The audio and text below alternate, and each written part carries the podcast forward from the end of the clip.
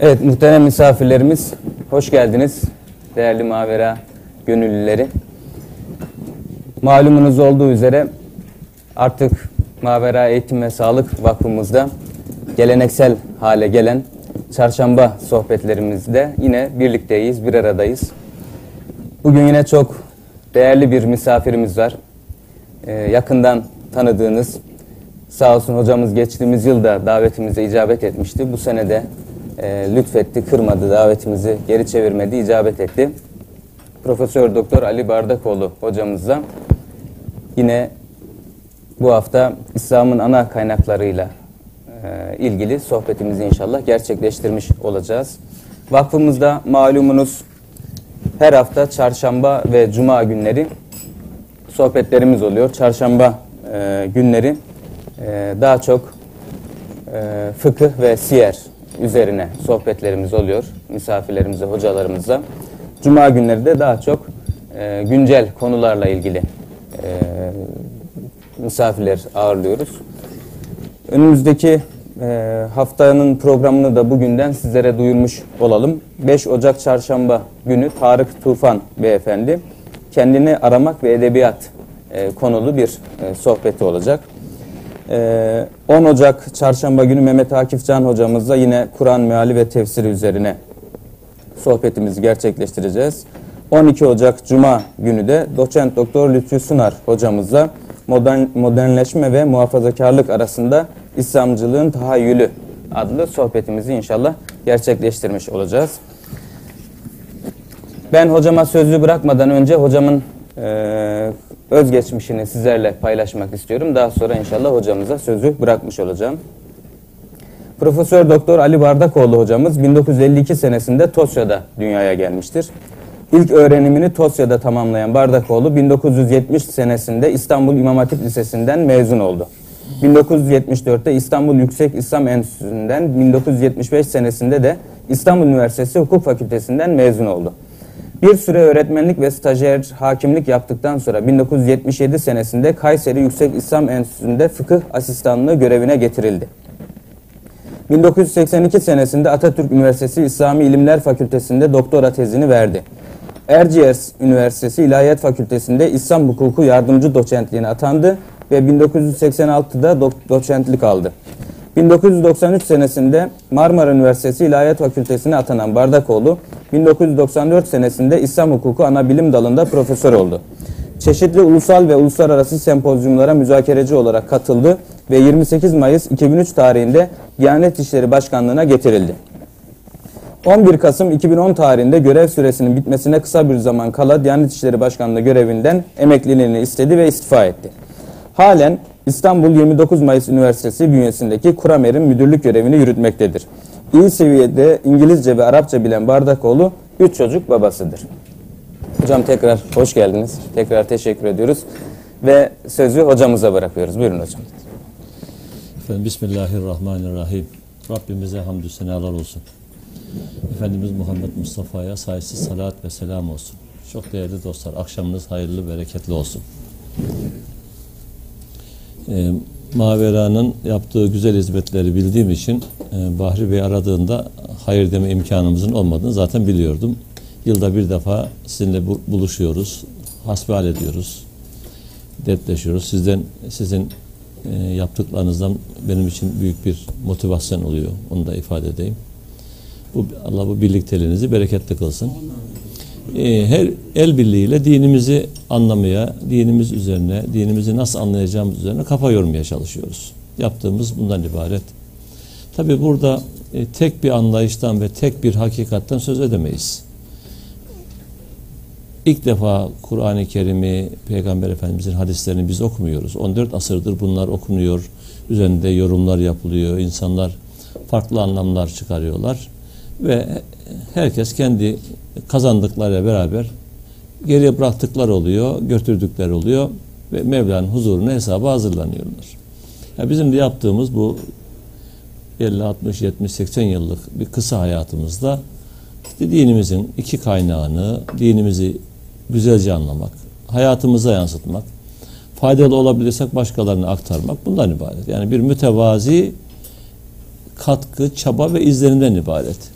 Yani bizim ulema e, kesimi çoğu zaman e, bir e, tekebbürle büyük hakikatte eri- erişmiş edasıyla anlatır ama ben size söyleyeyim yani bu bizim ulaştığımız kaynakla bilgiler izlenimden ibarettir, yorumdan ibarettir, bir görüş ve zandan ibarettir. Onu baştan söyleyeyim. Yani bu mütevazi olma gibi bir şey kendimi zorlamıyorum ama Allah'ın kelamı var, Peygamber Efendimiz'in hadisleri var. Ondan sonra bizim bunları anlayış biçimimiz var. Nereden baktığınıza, nasıl baktığınıza, içinde bulunduğunuz duygu dünyasına, okuduğunuz kaynaklara falan göre bu algılar, yorumlar değişecektir. Burada iddialı olmamak ve işte İslam böyle anlaşılır. Hiç kimse anlamadı, ben bunu anladım şeklinde bir yani ortaya böyle bir büyük iddia ile çıkmamak gerekiyor. Mümkün olduğu kadar e, bir kabil ola, olarak, bir görüş olarak, rey olarak hatta bir zan olarak bunları anlamamız gerekiyor. Eski ulema böyleydi. Yani benim diyeceklerimin çerçevesi için bunu söylüyorum. Eski ulema Allah'ın kitabında bir hüküm varsa bu kitabullah derdi. Hazreti Peygamber'in hadislerinde bir hüküm çıkıyorsa ona sünnet derdi. Ondan sonra kendisi bir şey ekleyecekse bu da benim görüşüm derdi. E- Ebu Hanife imamımızın şeyle söyleyeyim. Yani bu bugün bu görüş vardır. İmam Şafii de aynı şey diyor. İmam Malik de diyor. Bugün ben bugün bu görüşteyim. Yarın bunu değiştirebilirim. Ba- Başka daha güve- güzel, daha sağlam başka görüş de olabilir. Yani bu neticede böyle düşündüğümüz için de İslam dünyasında çok seslilik oldu hep. Farklı görüşler yeşerebildi, farklı görüşler ortaya çıkabildi. Bugün keşke değerli dostlar o ortam olabilse. Yani din konusunda insanlar birbirini dışlamadan, suçlamadan, tekfir etmeden, e, dalaletle itham etmeden siz böyle anlıyorsunuz, ben böyle anlıyorum diye herkes kendi görüşünü ortaya koyabilse. Yani ona ihtiyaç var. Sizinle bugün biraz İslam'ın ana kaynakları üzerinde konuşalım. Yani e, Bahri Bey'le de öyle anlaştık. Niye buna ihtiyaç var? Çünkü Kur'an kitap, hadis, sünnet ve bunun etrafında birçok tartışma hala devam ediyor.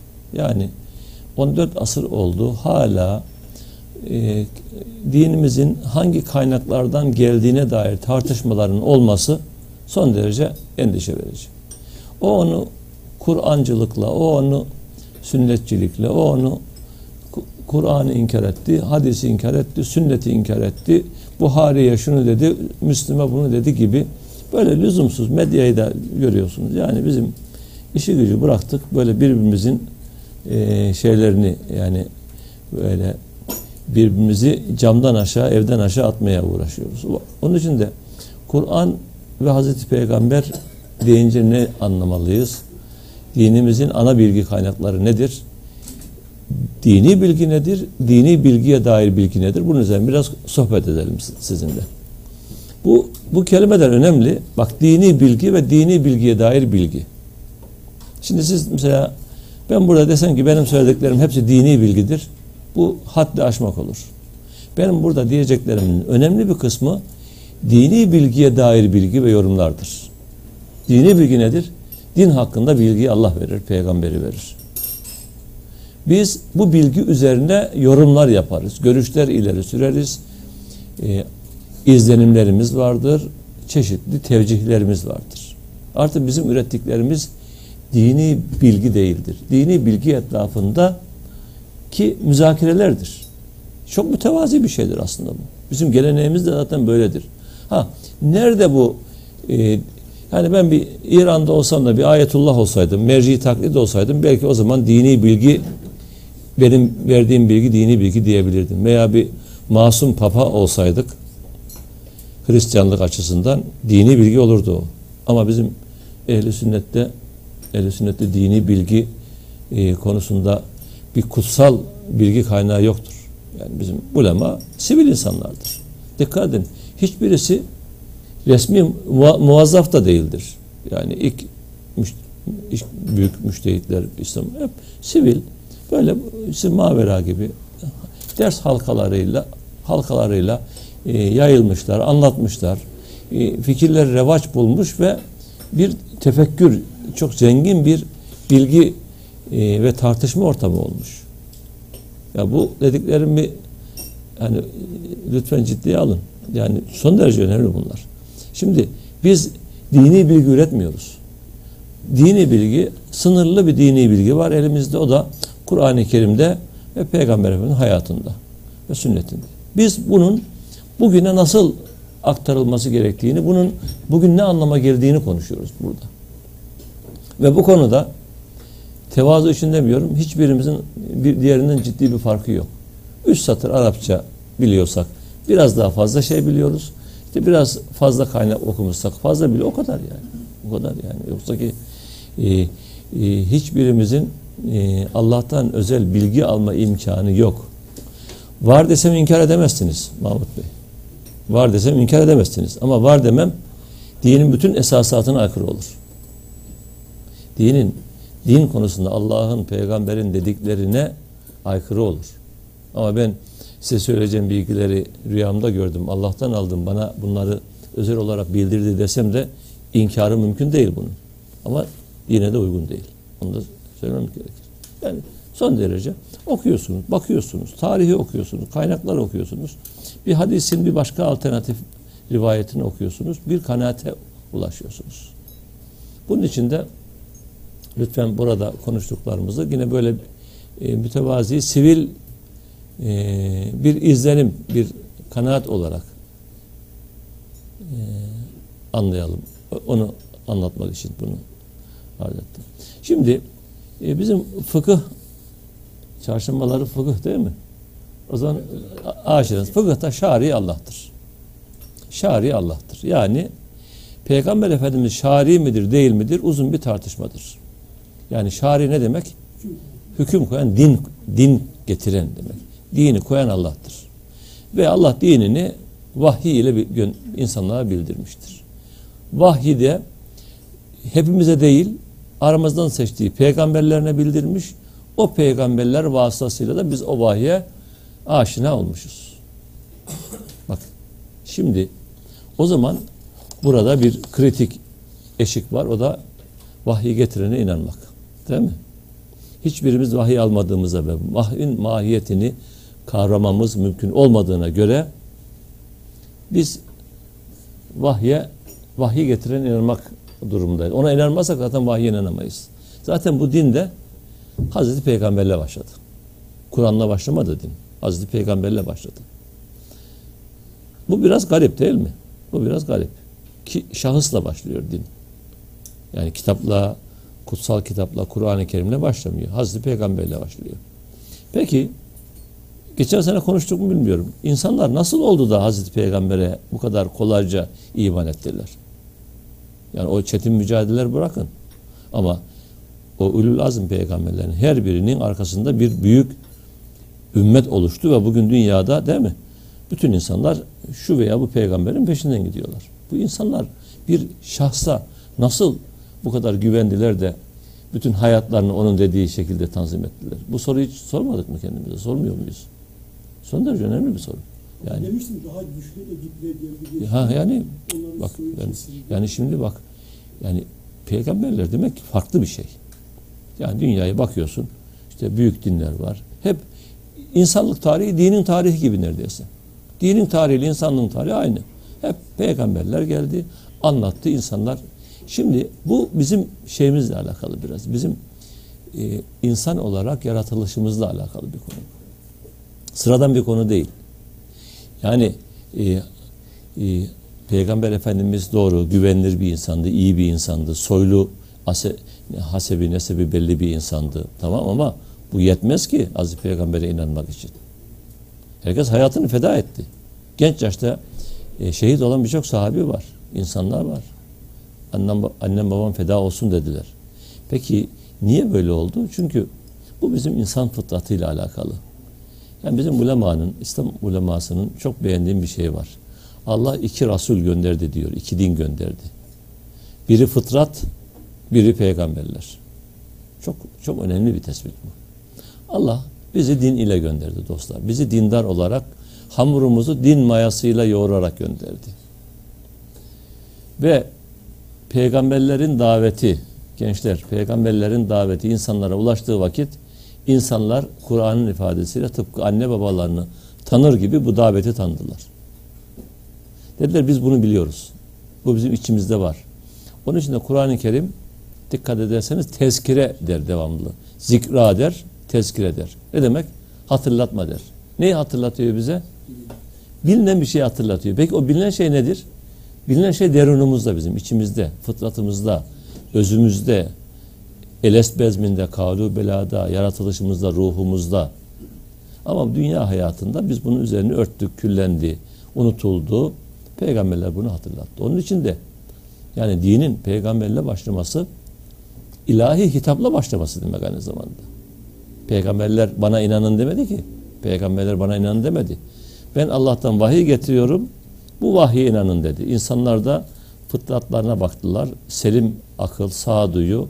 Dediler ki çünkü din şeye dair bir açıklama getirmedi. Dünya hayatına dair. Dinin konusu dünya değil zaten. İslam dini dünya dini. Doğrudur. Dünyada vardır ve dünya için vardır. Yani dünyada kaç gezegen var bilmiyoruz. Başka hayatların olduğu gezegen var mı bilmiyoruz. Ama İslam dini bir kainat dini değildir. Kur'an-ı Kerim bir kainat kitabı değildir. Öyle diyebilir miyiz? Hayır. Bu dünyada insanlar için sınırlı dünya hayatı için gelmiştir. Verdiği örneklerde anlattığı dinde bu dünya hayatı içindir. Bir defa bu çok açık. Yani uzaydaki adama gidecekse başka peygamber, başka kitap gider. Yani o bizim o, o, o, ya o hitap şeyine dahil değil. O, o ayrı bir konu. Ama dünyaya dair bilgi getirmedi din bize. Din bize asıl temel, temele dair bilgi getirdi. Varoluşa dair, varoluşun anlamına dair, yaratana dair, yaratılışın gayesine dair bir bakıma şöyle duvardan bir delik açtı dostlar. Şöyle kap, şimdi şu ışıkları söndürse karanlık bir odadayız. Şuradan bir delik açsak yandaki odadan bir ışık uzması gelir. Biraz görürüz. Ama tamamını da görmeyiz. Perdenin tamamı da kalkmadı. Sadece yaratılış, mebde ve meat hatırlarsınız. Din ne der deyince bizim eski kitaplar ne der? Mebde ve meat ilmi derler dine. Konusu itibariyle mebde ve meat. Gayesi işte hayat, saadet derler. Saadeti dareyn derler. Doğrudur. O gayedir. Ama konusu mebde ve meat. Mebde başlangıç, meatla döküleceğimiz ummanın katılacağımız umman, gideceğimiz yer. Bunun bilgisi. Aradaki yer aradaki yer bize aittir. Doğduktan sonra ölüme kadar ki hayatımız ne, ne zaman evleneceğiz, nasıl evleneceğiz, nasıl bir evde yaşayacağız, mesleğimiz ne olacak, kazandığımız parayı ne yapacağız. Bunlar bizim dünya hayatının tabir yerinde süfli işleridir. Yani deni işleridir, dünya hayatının işleridir. Çok fazla önemli de değildir. Ama bunun önemlisi bu hayatın anlamı nedir? Bu yolculuk niçin yapılıyor? Bu yolcu nereden geliyor, nereye gidiyor? Bu yolculuğa anlamı veren ne? Falan bütün bu metafizik işte. Fizik ötesi diyoruz ya fizik ötesi. Yani fizik demek bizim duyularla, deneyle falan bileceğimiz şeyler. Din bunun ötesini anlatıyor bize. Ötesini anlatıyor ve onun için de biz büyük bir ihtiyacı, büyük bir merakı gideriyor. Niye dostlar? Çünkü bizim yani e, hayvanlar gibi olsaydık hiç merakımız olmazdı. Ama beynimiz, bak dikkat edin, hepiniz düşünün. Beynimiz, merakımız, tahayyülümüz, tefekkürümüz bedenimizin çok ötesinde. Değil mi? Adam ta yüzyıllar önce yani şu kadar günde dünyanın etrafında turları düşünüyor, şimdi şunu düşünüyor. Yani bizim hayal gücümüzü düşünün. Yani hayal gücümüzün içine sığmayan yok. Çok ciddi bir tahayyül kapasitemiz var. Bedenimiz sınırlı. Onun için de din bizim bu merakımızı, hayal gücümüzü, ihti deruni, manevi, fizik ötesine dair ihtiyacımızı bir nebze karşılıyor. Bir nebze. Bir küçük pencere açıyor o kadar. Yani öyle çok fazla iddialı olmak ve yani perdeler kalktı, her şeyi gördüm falan demek mümkün değil. Sınırlı bilgidir. Mesela ruh nedir? Çok az bilgi veriyor ruh hakkında. Ahiret nedir? Çok az bilgi veriyor ahiret hakkında. Sadece ve ahiret hakkında verdiği bilgide dikkat ederseniz ahiretin gerçeği hakkında bilgi değildir. Bu cümleyi yanlış anlamazsın, anlamazsın değil mi? Yani gerçek ahiret hakkında bilgi vermiyor Allah bize. Dünya hayatından örnekleme yaparak bilgi veriyor. Yani bilemeyiz öteki türlü. Mesela yaratılışı bilmemiz mümkün mü? Kün feyekün. Ol dedi oldu. Mümkün değil. Yani onu bizim kendi fizik deneyleriyle şunda bunda falan mümkün değil. Çünkü dünya hayatı sebep sonuç ilişkisi deney maddi bir takım bağlantılarla dizayn edilmiş. Allah öyle şey yapmış. Bunun ötesinde bir şey bu. Ama sınırlı bilgi verdiği için de düşünüyoruz, tefekkür ediyoruz. Diyoruz ki tamam yani ışığın bu kadarını gördük, ötesine de iman ettik diyoruz. Netice itibariyle iman bir gayb konusu. Gayb yani hepsi gayb. Mesela peygambere iman gayb değil mi? Gayb. Hazreti Muhammed'e iman gayb mı değil mi? Gayiptir. Niye gayb? Biz Abdullah'ın oğlu Muhammed'e iman değil ki o. O Muhammed'in, Abdullah oğlu Muhammed'in Allah'tan vahiy aldığına ve onun peygamberi olduğuna imandır. E o bizim muttali olamayacağımız bir şeydir. Böyle olunca da yani işin biraz çok temeline indik belki ama yani din ilahi hitapla peygamberle başladı ve iki şey üzerine oturdu. Allah'ın gönderdiği vahiy ve Hazreti Peygamber'in 23 yılda bu vahyi tevil etmesi, hayata uyarlaması, güncellemesi veya tatbik etmesi isim değişik tabirler kullanılabilir bunun için. Yani bilgisayar tabiriyle güncelleme mi deriz? Yani hayata uygulaması. Adaletli oluyorsa insanlara adaletli davranmanın ne olduğunu gösterdi. Merhametli ol diyor Kur'an-ı Kerim. Allah rauftur, rahimdir diyor. Yeryüzündekilere acı diyor. Rahmetin, merhametin ne olduğunu gösterdi. İnsanlara rıfk ile muamele et dedi, onu gösterdi. İhsan dedi, onu gösterdi. Yani bir bakıma Allah'ın koyduğu derunumuzda da olan ilkeleri, ilahi emirlerin tatbikatını gösterdi. Buraya kadar hiçbir sıkıntı yok değil mi? Gayet pürüzsüz bir şey anlattım. Ama bak satır aralarında bunun çok sorun çıkacak şimdi. Bir, ilahi hitap. İlahi hitap kim oldu? Öncelikli olarak 7. yüzyıldaki Arap toplumun oldu. İlk defa onlara hitap etti. Yani gerçi zaman zaman ey insanlar falan dedi ama ilk hitap onlaraydı. Mekkeliler de ilk hitap. Hatta Medineliler de yok devrede. Mekkeliler hitap etti. Neler üzerine hitap etti?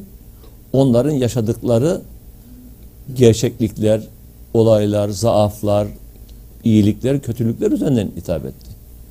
Şunu iyi yapıyorsunuz dedi, iyi yapıyorsunuz. Ama şunu yanlış yapıyorsunuz dedi.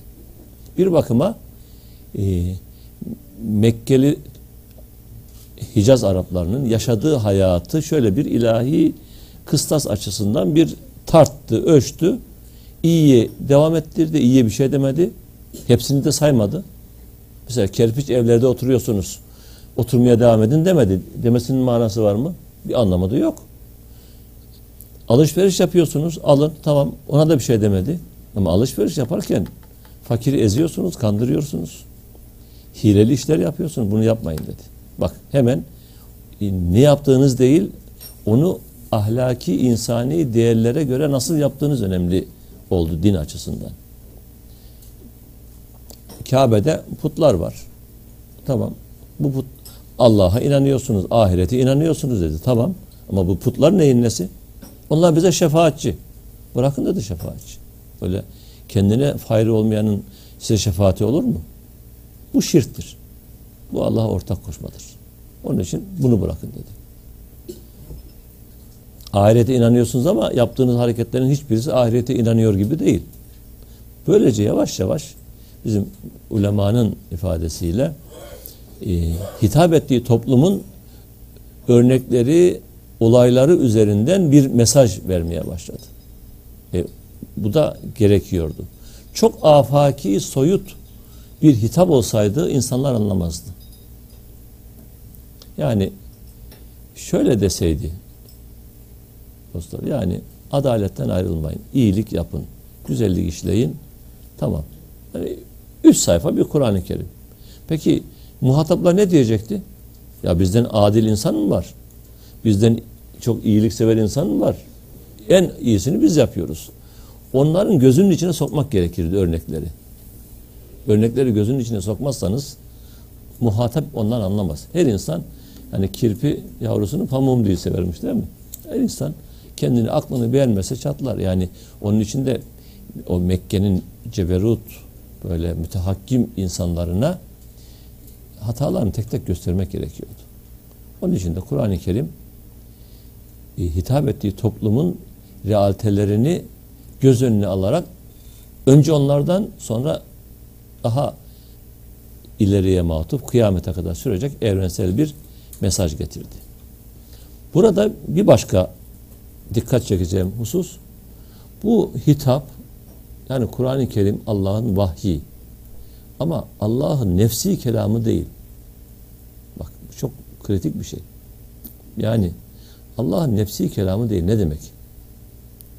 Allah'ın kelamının Allah'ın sözünün muradının hatta muradının Cibril-i Emin vasıtasıyla dünyaya bizim algı dünyamıza indirilmiş hali, inzal edilmiş hali. Biz inzal onun için önemli, inzal. Yani e, Allah'a bir dil, bir söz, lugat isnat edilebilir mi? Edilemez mümkün değil. Allah'ın dili olur mu? Kullandığı lafız olur mu? Kullandığı kelime olur mu? Süleyman Çelebi'yi rahmetle yad edelim mi?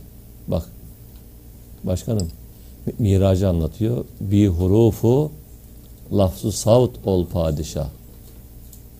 Bir hurufu lafzu savt. Harf yok, ses yok, lafız yok. İlahi kelam odur. Peki Kur'an-ı Kerim'de hepsi var. Niye? Çünkü bizim anlamamız için bizim idrak dünyamıza hitap etmesi lazım.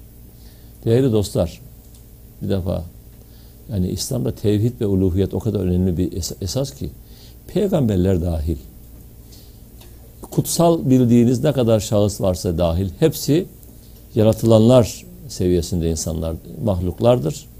Uluhiyet ayrı bir kattır. Arada hiç geçiş, kademe, yaklaşma falan diye bir şey olamaz. Mümkün değil öyle bir şey. Hiç olmaz öyle bir şey. Yani o tasavvur bile edilemez o. Yani o Hristiyanlardaki kademelendirmeler falan hep o uluhiyeti Babul İzze'yi o uluhiyeti kavramadaki zorluktan kaynaklanıyor.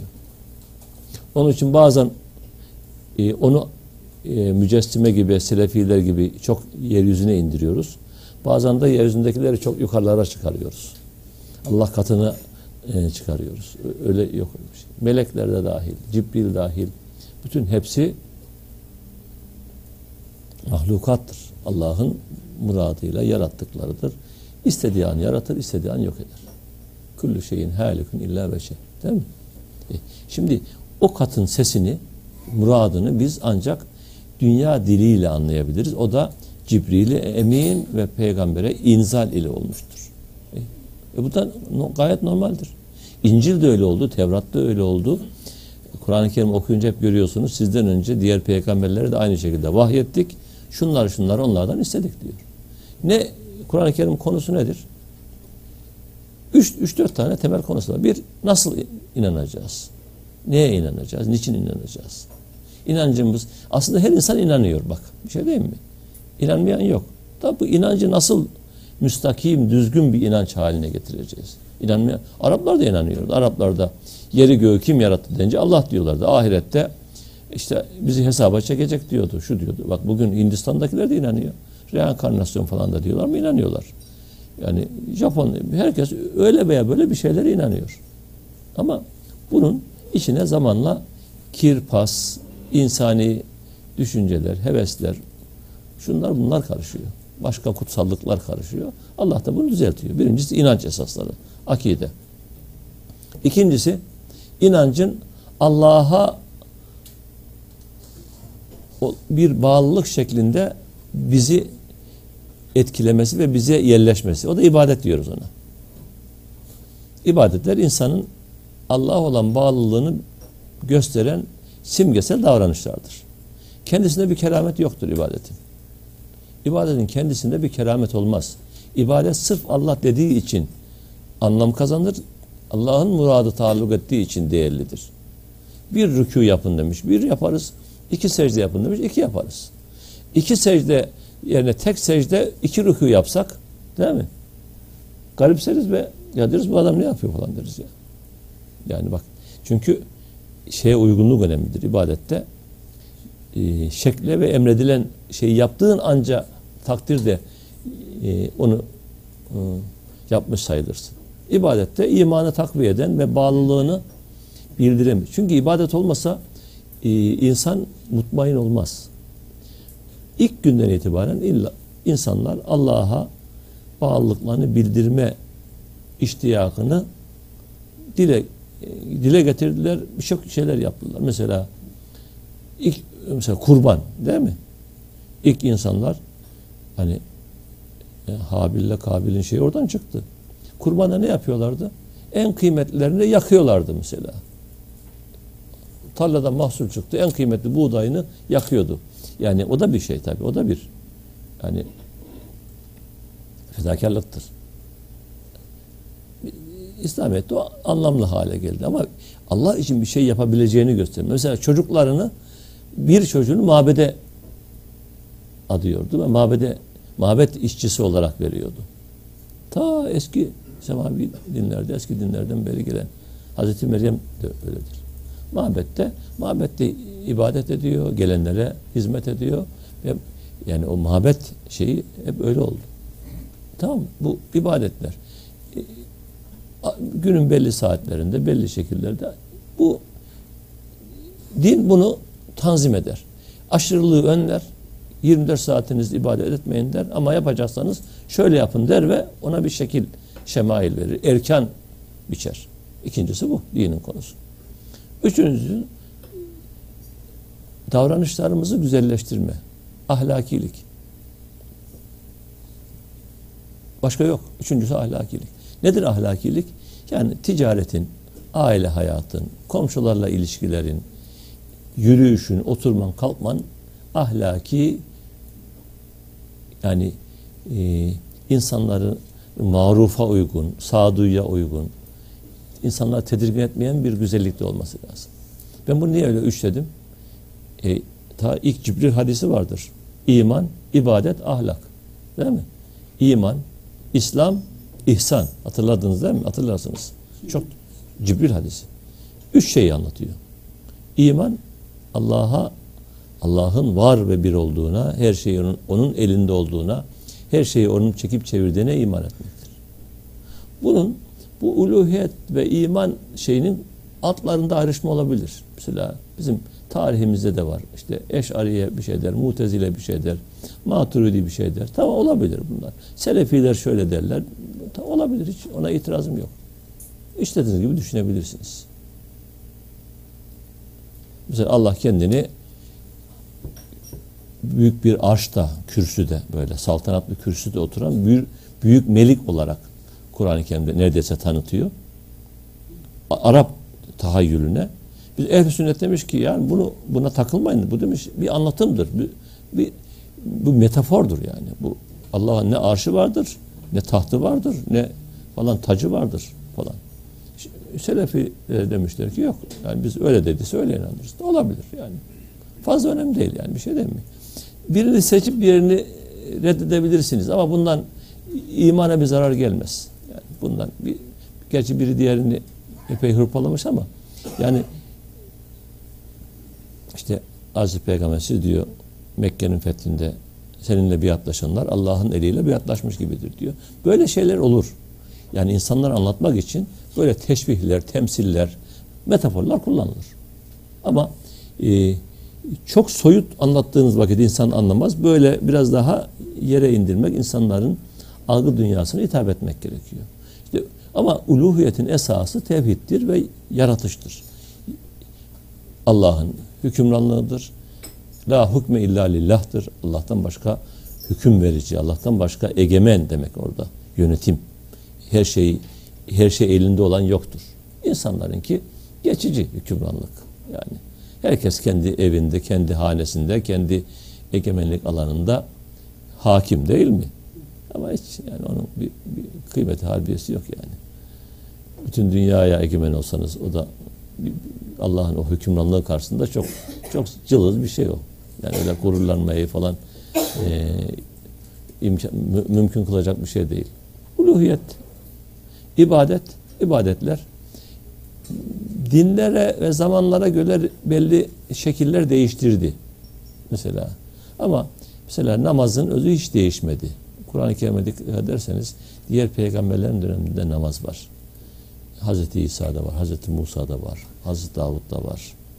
Yani onları hep e, çünkü e, onların ümmetinden de bahsederken namaz e, zaten namaz tasliye Allah'a dayanmak demektir. Tasliye. Başka yerlerde de geçer. tabii. Allah'a yaslanmak, Allah'a güvenmek. Yani namaz bir bakıma fiili dua. Namaz fiili dua. Yani ya Rabbi sana güveniyorum, sana dayanıyorum. Zaten İyyâke nâbudu ve İyyâke nestaîn falan da onu teyit eder. Senden yardım istiyorum, sana bağlılık, sana ibadet ediyorum değil, sana bağlılık bildiriyorum. İbadet demek bağlılık. ve bunu da şey üzerinden söylüyor. Söz uzuyor gerçi de 45 dakikada bitmeyecek dostum ya. Yani Kur'an-ı Kerim bunu köle efendi e, temsili üzerinden anlatıyor Allah olan bağlılığımızı. Arapların çok bildiği bir şey bu. Bizim bilmediğimiz bir şey. Bak dikkat edin. Bugün yolda geçen bir insana köle efendi temsil üzerinden bir şey anlatsan yani tarih falan bilmiyorsa ama Araplara diyor ki siz şu efendileriniz varsa var ya hani aslı aslı kesti kestik satıyor atıyor istediğini yapıyor. Onlar bırak. Asıl efendi benim diyor. Siz bana bağlı olun. O çok cılız, suni bir bağdır. Asıl Mevla benim diyor. Nimel Mevla benim ben nasıl Mevla benim diyor. Asıl efendi benim diyor. Senin bana bağlılığın önemlidir diyor. Onun için de İyyâke nâbudu ve İyyâke nestaîn. Bak namaz bir bakıma Allah'a bağlılığımızı remzeden bir davranışlar bütünü. Oruç öyle. Fedakarlık, zekat, kurban öyle. Ve aşağı yukarı hiç değişmedi bunlar. Hiç değişmedi. Bir de ihsan dediğimiz ahlak. Ahlak. Yani dikkat ederseniz Kur'an-ı Kerim'in ve Hazreti Peygamber'in getirdiklerinin tamamı aile hayatımızın, muamelelerimizin, ticaretimizin, komşuluk ilişkilerimizin, günlük hayatımızın iyileşmesi, güzelleşmesi, tatlı bir hal alması, insanların mutlu olacağı bir kıvamda olması için prensiplerdir. Tabi ben bu kadar e, e, iyi ittifak edilir şeyler söylüyorum ama bunun altında çok sorun çıkabilir. Bak biraz bunun derine indiğimizde. Onlara temas edeceğim. Siz, siz bunları zaten bilen dersiniz. Şimdi Kur'an'la sünnet ilişkisi üzerine birkaç şey söyleyeyim de ondan sonra yani bu bakımdan Kur'an-ı Kerim'le sünneti ayırmak, derecelendirmek falan da doğrudur. Ben, ben fıkıh hocası olduğum için biraz daha rahat söylüyorum. Yani Kur'an mı, sünnet mi falan öyle bir şey yok. Sahabenin hayatında da öyle bir şey yok. Çünkü biri Kur'an-ı Kerim bazen sünnetten sonra sünneti teyit ediyor. Bazen sahabe yapıyor ayet ona onun üzerine geliyor. Mesela cemaatle namaz kılıyorlar. Ayetler daha cuma namazı kılmaya başlıyorlar. Daha sonra ayet geliyor. Yani dikkat ederseniz öyle e, Allah bir şey isteyecek de biz onu yapacağız diye bir sahabede bekleyiş yok. Olmadı öyle bir şey. Hazreti Peygamber'le beraber yola çıktılar. Yola yolda yürürken birçok şeyi birlikte konuştular, ettiler, düzelttiler, düzelttiler. Ayetler geldi. Gayet normal bir şey. Yani hiçbir zaman da sahabenin zihninde bunu Allah mı istiyor, siz mi istiyorsunuz, bu din mi falan bir, bir bütünlük içinde hayatı yaşadılar. Bakımdan böyle olunca da bizim fukaha baktı yani Peygamber Efendimiz dini anlatmada ve örneklendirmede son derece müessir ve dinin kurucu bir şeyi. O zaman ona da şari diyelim dediler. Ona da şari diyelim. Yani zaten Kur'an-ı Kerim'i Peygamber Efendimizin değiştirme hakkı var mıydı diye sorsam size. Ne dersiniz? Yoktu dersiniz. Peki değiştirmediğini ne, nereden malum? Hah, onun garantisi var mı? Öyle de bak şimdi ben başka mantiki bir şey diyorum. Yani yani şu Allah'ın ayetidir dedi. inanmak zorundayız. inandık değil mi? Peki başka türlü bir yolumuz da yoktu zaten. Yani şöyle olmadı. Allah bize gizliden Kur'an'ı gönderip de Hazreti Muhammed'de gönderip hadi kontrol edin bakayım. Yani Kur'an'ı size iyi anlatın. Öyle bir şey yok. Öyle bir şey yok. Ne dediyse biz tamam dedik. Bak dikkat edin. Yani peygamberin hayatıyla Kur'an ayrılmaz bir parça. Bu Bakara suresi dedi. Tamam dedik. Doğrudur dedik. En uzun sure bu dedi. Allah sizden şunu istiyor dedi. Tamam ya Resulallah. Peki dedik. Yani yani hiçbir zaman akla şey gelmez. Yani acaba bunu Allah mı emretti? Siz mi? Yani sahabenin zihninde öyle bir soru yoktu zaten. Bu son son zamanların sorusu bu. Bir bütün zaten. Zaten başka türlü de ol- olamaz zaten. Başka. Yani şöyle olsaydı doğrudan bize gönderse de Resulullah onu açıklamak için gelseydi anlardım. Mesela biz bir hocanın bugün doğru mu söylüyor, yanlış mı söylüyor test edebiliyoruz değil mi? Yani Allah bunu diyor falan diyor. Bakıyoruz Kur'an'da Allah da yani diyoruz ki hoca bunları kendisi ekledi falan diyoruz. Elimizde Allah'ın kitabı var. Peygamber hadisi var. Ama Hazreti Peygamber'e muhatap olan sahabe için öyle bir şey yok. Yani onun için hatta bir şey ekleyeyim izin verirseniz. Kur'an, sünnet ve sahabe. Yani öyle fazla birbirini ayıramıyorsunuz. O hayat içerisinde oluyor her şey. Olaylar oluyor. Mesela adam e, e, ölüyor, karısı hiç miras almıyor. Bütün miras erkek kardeşlere gidiyor falan. Kadın geliyor diyor ki çocuklarım yetimler perişan durumdalar aç bir ilacız. Hazreti Peygamber diyor ki yani şimdiye kadarki Arap örfü böyleydi diyor. Ben bir şey yapamam diyor. Yani Arap örfü budur diyor. Ama Allah'tan bekleyelim diyor. Allah diyor ki acele etmeyin. Allah size bir yol gösterecek. Daha sonra kadınlar için de mirastan pay vardır diyor. Onlara da pay ayırın diyor. Onları da gözetin diyor. Allah açıklıyor hükmü. Yani olaylar olaylar üzerine açıklamalar geliyor ve e, bazen diyebilir dedi Hazreti Peygamber. Tamam yani e, kadınlar da pay ayrılacak dediği vakitte sahabenin yapacağı bir şey yoktu. Ayıracaktı. Çünkü neticede bir hayat tanzim ediliyor. Onun için de değerli dostlar yani Kur'an-ı Kerim'le sünnet arasında bir ayrılık gayrılık bir derecelendirme yapmak bile çok anlamlı değil. Peki ne oluyor burada? Ha bir şey var. Bir görev taksimi var. Şöyle anlıyoruz. Onu ben size burada diyeyim ama ama yanlış anlamayın. Bir görev taksimi var. Temel akaid esaslarını Kur'an belirliyor. Bak dikkat ederseniz. Tevhid, uluhiyet, nübüvvet, mebde, meat bilgilerini Kur'an veriyor. Peki bunlar Hazreti Peygamber'i bilmesi mümkün müydü? Mümkün değildi. Hazreti Peygamber gaybı bilmez. Allah bildirirse bilir. Kaç tane örnek var. Gayba dair bilgi ver- veriyor. Daha sonra vahiy geliyor düzeltiyor. Vahiy geliyor düzeltiyor.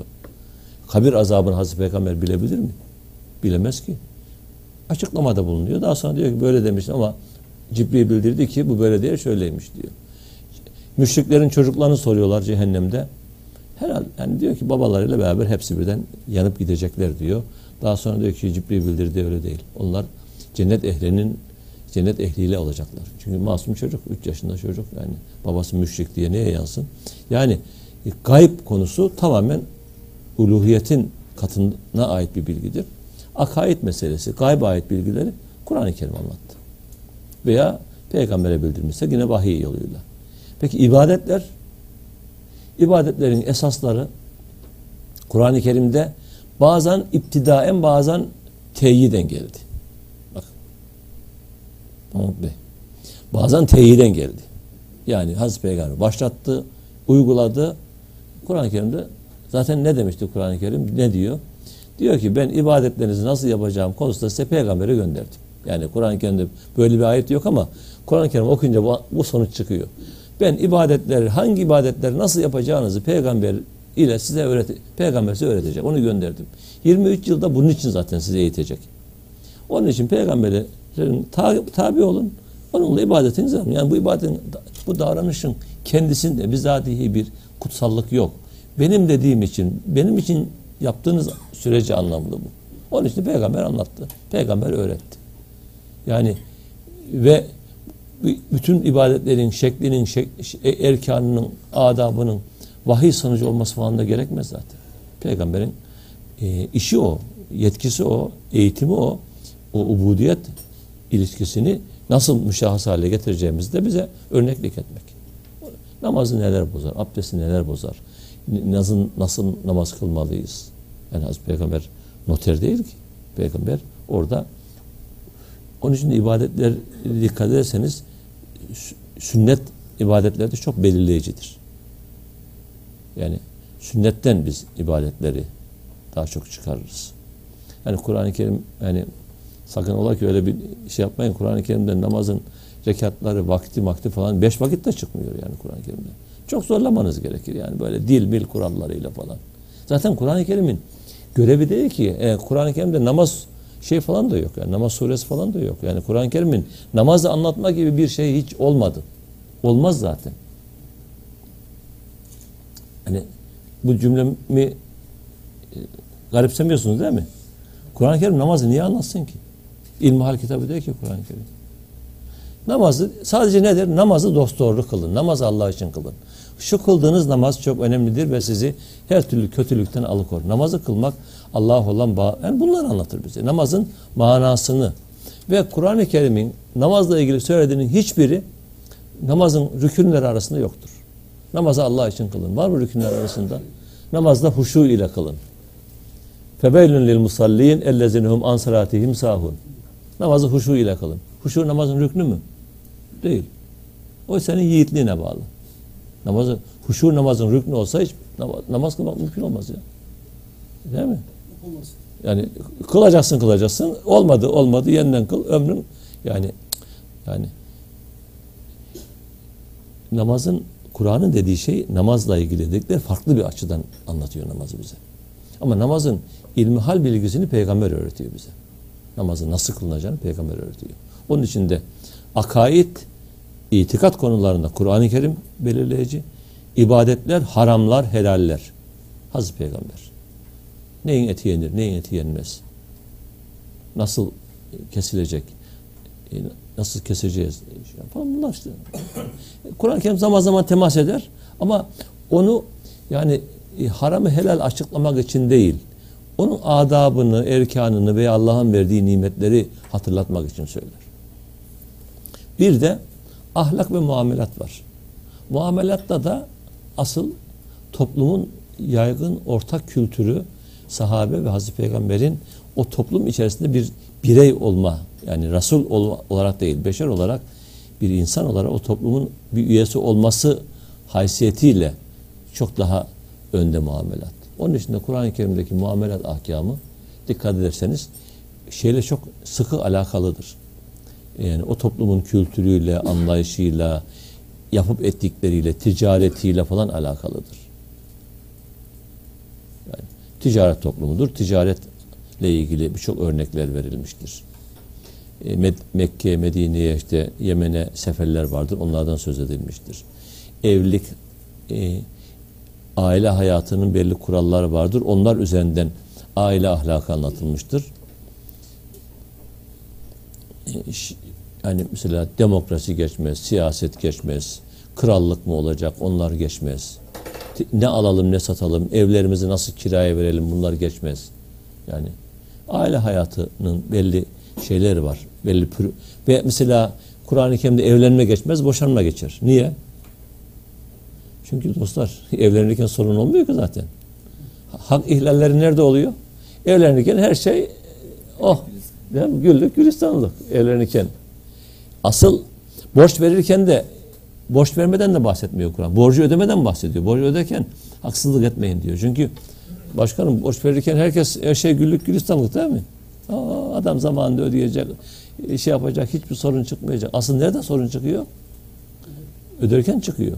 Asıl nerede sorun çıkıyor? Ayrılırken çıkıyor. Yani şey- her şey bir şey yaparken değil. Zor anlarda yiğitlik belli oluyor. Kur'an kendi onları anlatıyor. Yani mesela e, gidip çarşıdan pazardan köle cariyeyi satın alıyorsanız şöyle alın böyle alın anlatmıyor. Köle cariyeye da- davranmanızı anlatıyor. Diyor ki bu köle ve cariyeler yani sizin hayvanınız değil. Bunlara insan gibi davranın. Bunları azat edin. Şöyle yapın. Yani davranışı anlatıyor bize. Niye o toplumun bir realitesi onun için. Böyle olunca üç tane şey.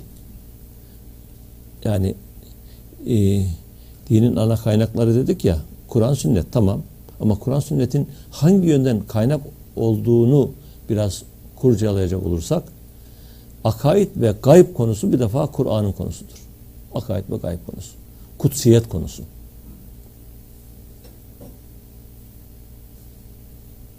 Çünkü bu tamamen Allah'ın bildirmesiyle bilinecek bir şeydir. İbadet ahkamının uygulanma biçimi sünnetle sabittir. Ve muamelata dair dinin getirdiklerinin de toplumun tarihiyle, kültürüyle yakın alakası vardır. Onu bilmeden o muamelatın niçin Kur'an'da yer aldığını, niçin hadislerden öyle olduğunu anlamamız mümkün değil. Yani böyle olunca şimdi birkaç şey söyleyeyim. Kur'an-ı Kerim bir metin değildir. Kur'an-ı Kerim bir hitaptır. Kur'an-ı Kerim lügatla, sözlükle, Arapça bilmekle falan hüküm çıkarılacak bir kitap değildir. Kur'an-ı Kerim'den hüküm çıkmaz. Böyle söyleyeyim mi? Yanlış anlamasın değil mi? Kur'an'dan hüküm Kur'an hüküm çıkarmak için değildir. Yani açayım şu Kur'an-ı Kerim'i. Bakalım e, ne yani şeyle bir, birlikte anlama e, okumazsak Kur'an'ı tarihiyle beraber siyerle, siretle, sünnetle, sahabe e, o ta, dinlerin akışı falan o kadar çok şey bilgi gerekiyor ki bunun için. O ortam zemin bütün bu Tevrat'ta neydi, İncil'de neydi, Kur'an-ı Kerim'de dedi, içinde de hangi ortam dedi, kime dedi, nasıl anlaşıldı, nasıl uygulandı, Hazreti Peygamber ne yaptı? Bütün bu bilgilerden sonra Kur'an-ı Kerim'i okuyunca anlıyorsun tamam. Tamam anlıyorsun. Tamam. El hak ya Rabbi. Amenna diyorsun. Ama ya şu lügatı açayım, sözlüğü açayım. Bu ne demiş? Ve başlarsanız, başlarsak işe yani hemen yolun başında sistem iflas eder. Mümkün değil yani. Bir bir bütünlük içerisinde biz bunu anlayabiliyoruz. Yani diğer dinleri, onun için mesela Tevrat'ı, İncil'i bilmek son derece önemli. Çünkü birbirinin devamı şeyler.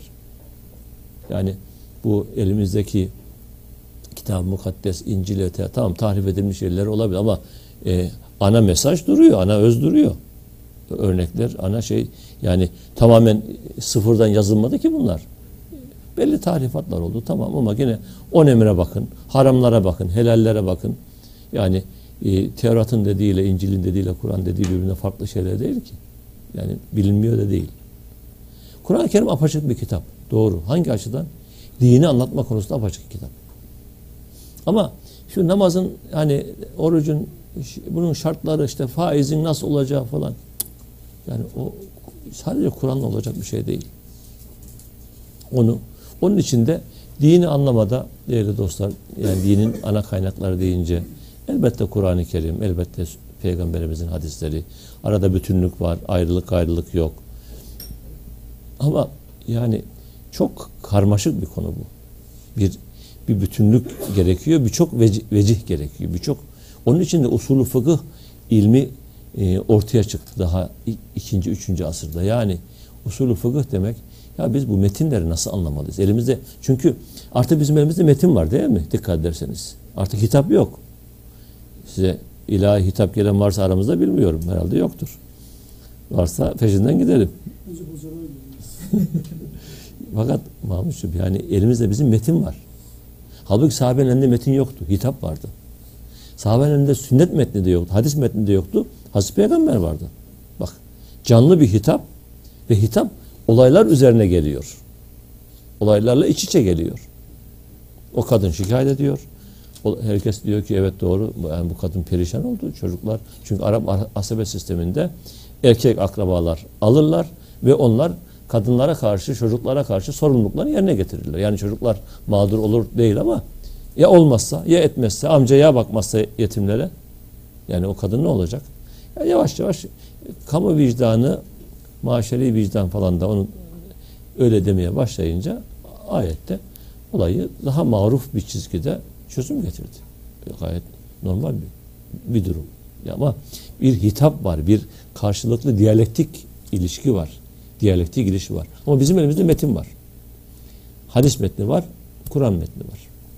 Ha, şimdi onun için bizim İslam uleması dedi ki biz bu metni nasıl anlamalıyız? O zaman bir yöntem bulalım dediler. Böyle bu sözlükle mözlük olacak, olacak iş değil. Yani sözlükle falan Kur'an'ı anlamak baltayla saat tamir etmeye benzer. Hiç mümkün değil yani o. E, bütün her o zaman herkes allamedir yani Arapça bilen herkes şey. O zaman bir yöntem bulalım dediler. Bir, bu Kur'an değil kitap olsun delil. Kur'an değil kitap olsun birinci delil. İkinci delilde hadis değil sünnet olsun dediler. Peki ne fark var? Bak. Hiçbir zaman bizim hüküm çıkarırken, dini bilgiyi üretirken, dini bilgiye dair bilgi değil, sadece dini bilgi üretirken Kur'an ve lafız demeyiz biz. Kitap deriz. Niye kitap?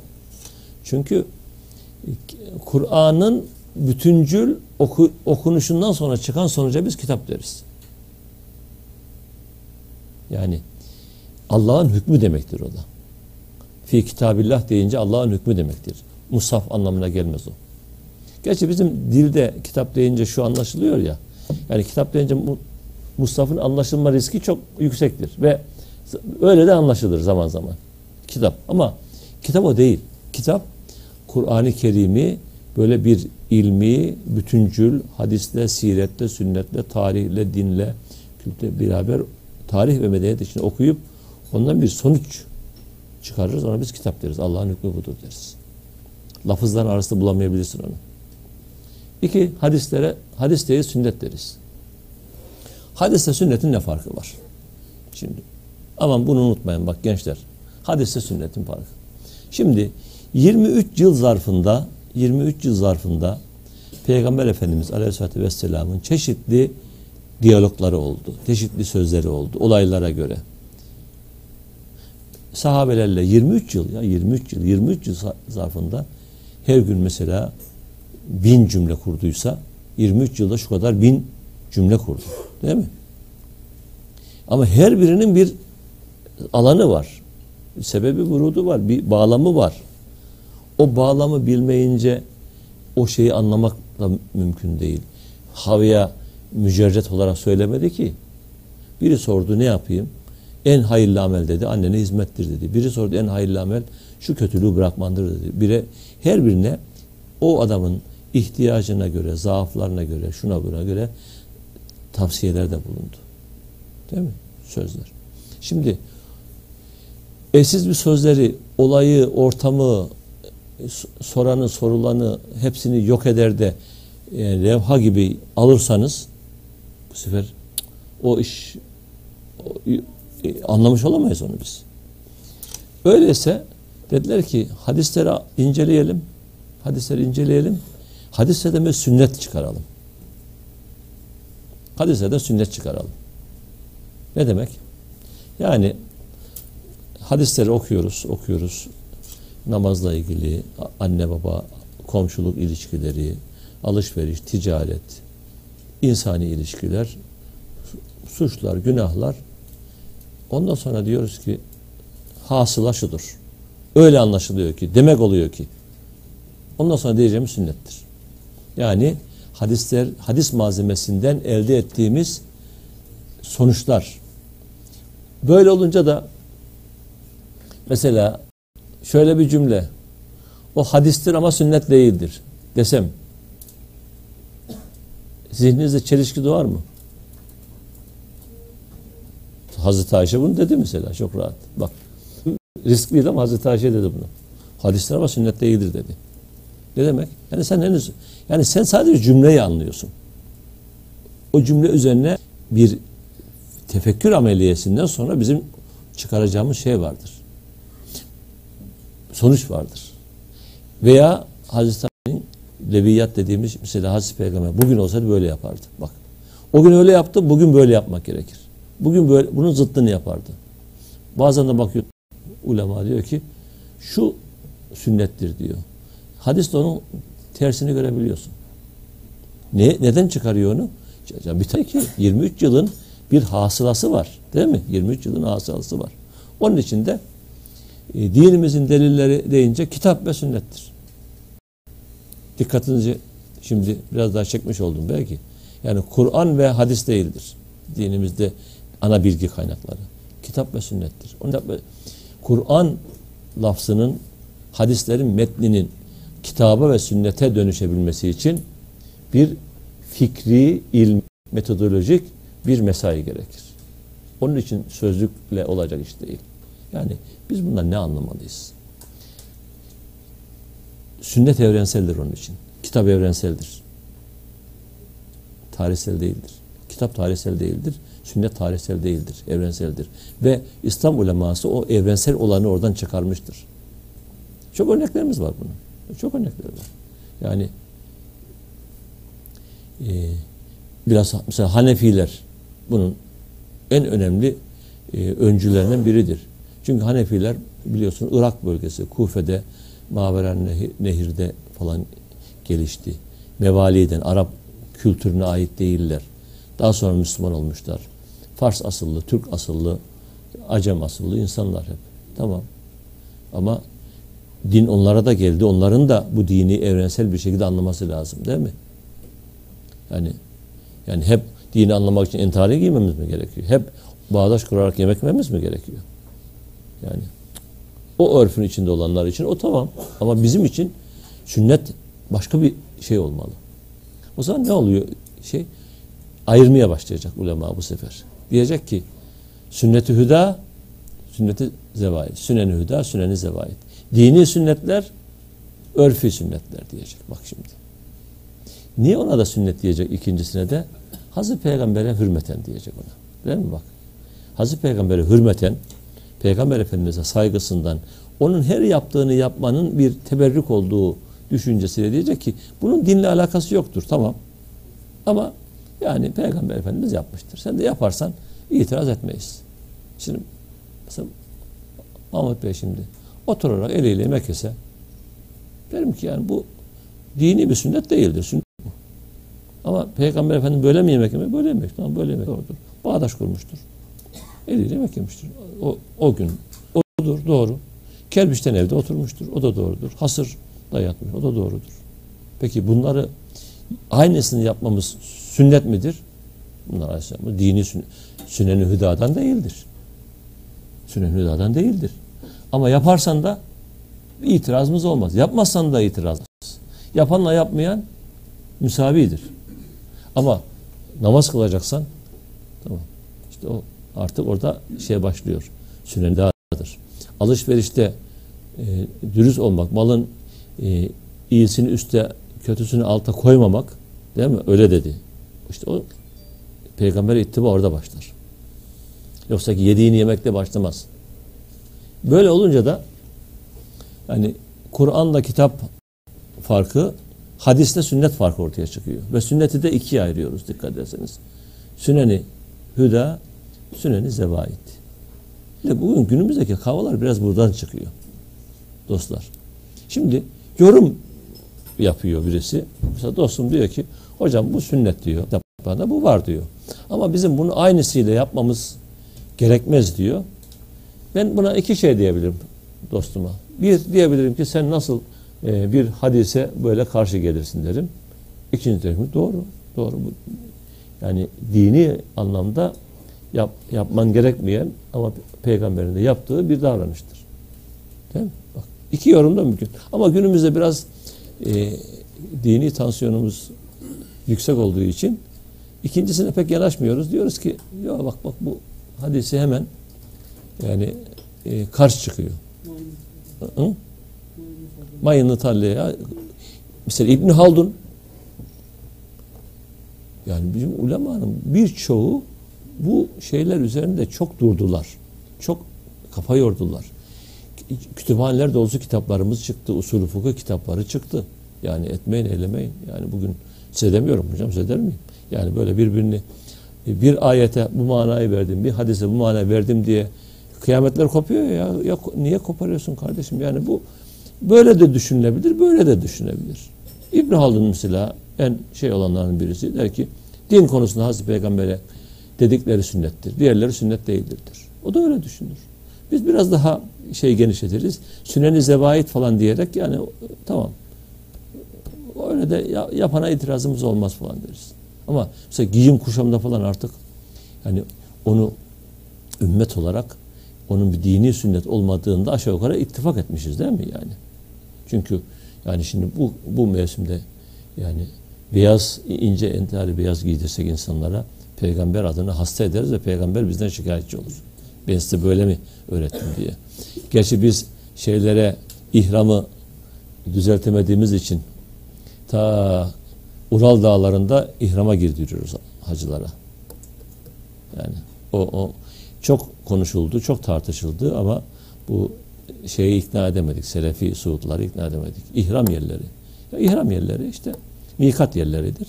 Mikat yerleri de Mekke'nin etrafındaki yerlerdir. Tamam. Ya bu ciddiye gelen uçaklar e, Ciddi'de havanla yer yapın. Orada ihrama girsin. Bir şey yok bunda. Orada mikat yeridir. Efendim kuzeyden gelenlerin mihram, ihram yeri Zulülebe'dir. Ya o gün kuzeyden gelen karayoluyla geliyordu. Medine üzerinden geliyordu. Yani uçakla gelen adam mı? Kutuplardan uçakla gelen adamı niye sen kuzeyden gelmiş sayıyorsun gözüm ya? Sen işte ciddiye iniyor. Ciddiye ihram yeri yap, mikat yeri yap. Adam burada girsin. Yani şey yani sünnet anlayışı. Yani zerka birçok alim o kaç defa konuşuldu, tartışıldı. Yani kitaptan şeyden deliller gösterildi. Yok dediler. Biraz da şey üşendikleri için belki de. O mikat yeri yapacaksın edeceksin falan. Şimdi nihayet galiba Arafat dışında bir yer yapacaklarmış. Yani e, asıl saadeti anlamak dostlar şimdi asıl saadeti anlamak. Yani günümüzde öyle zor bir konu ki. Mesela bu isim vermeden şey yapayım. Bizim hocalarımızın bir kısmı Allah selamet versin.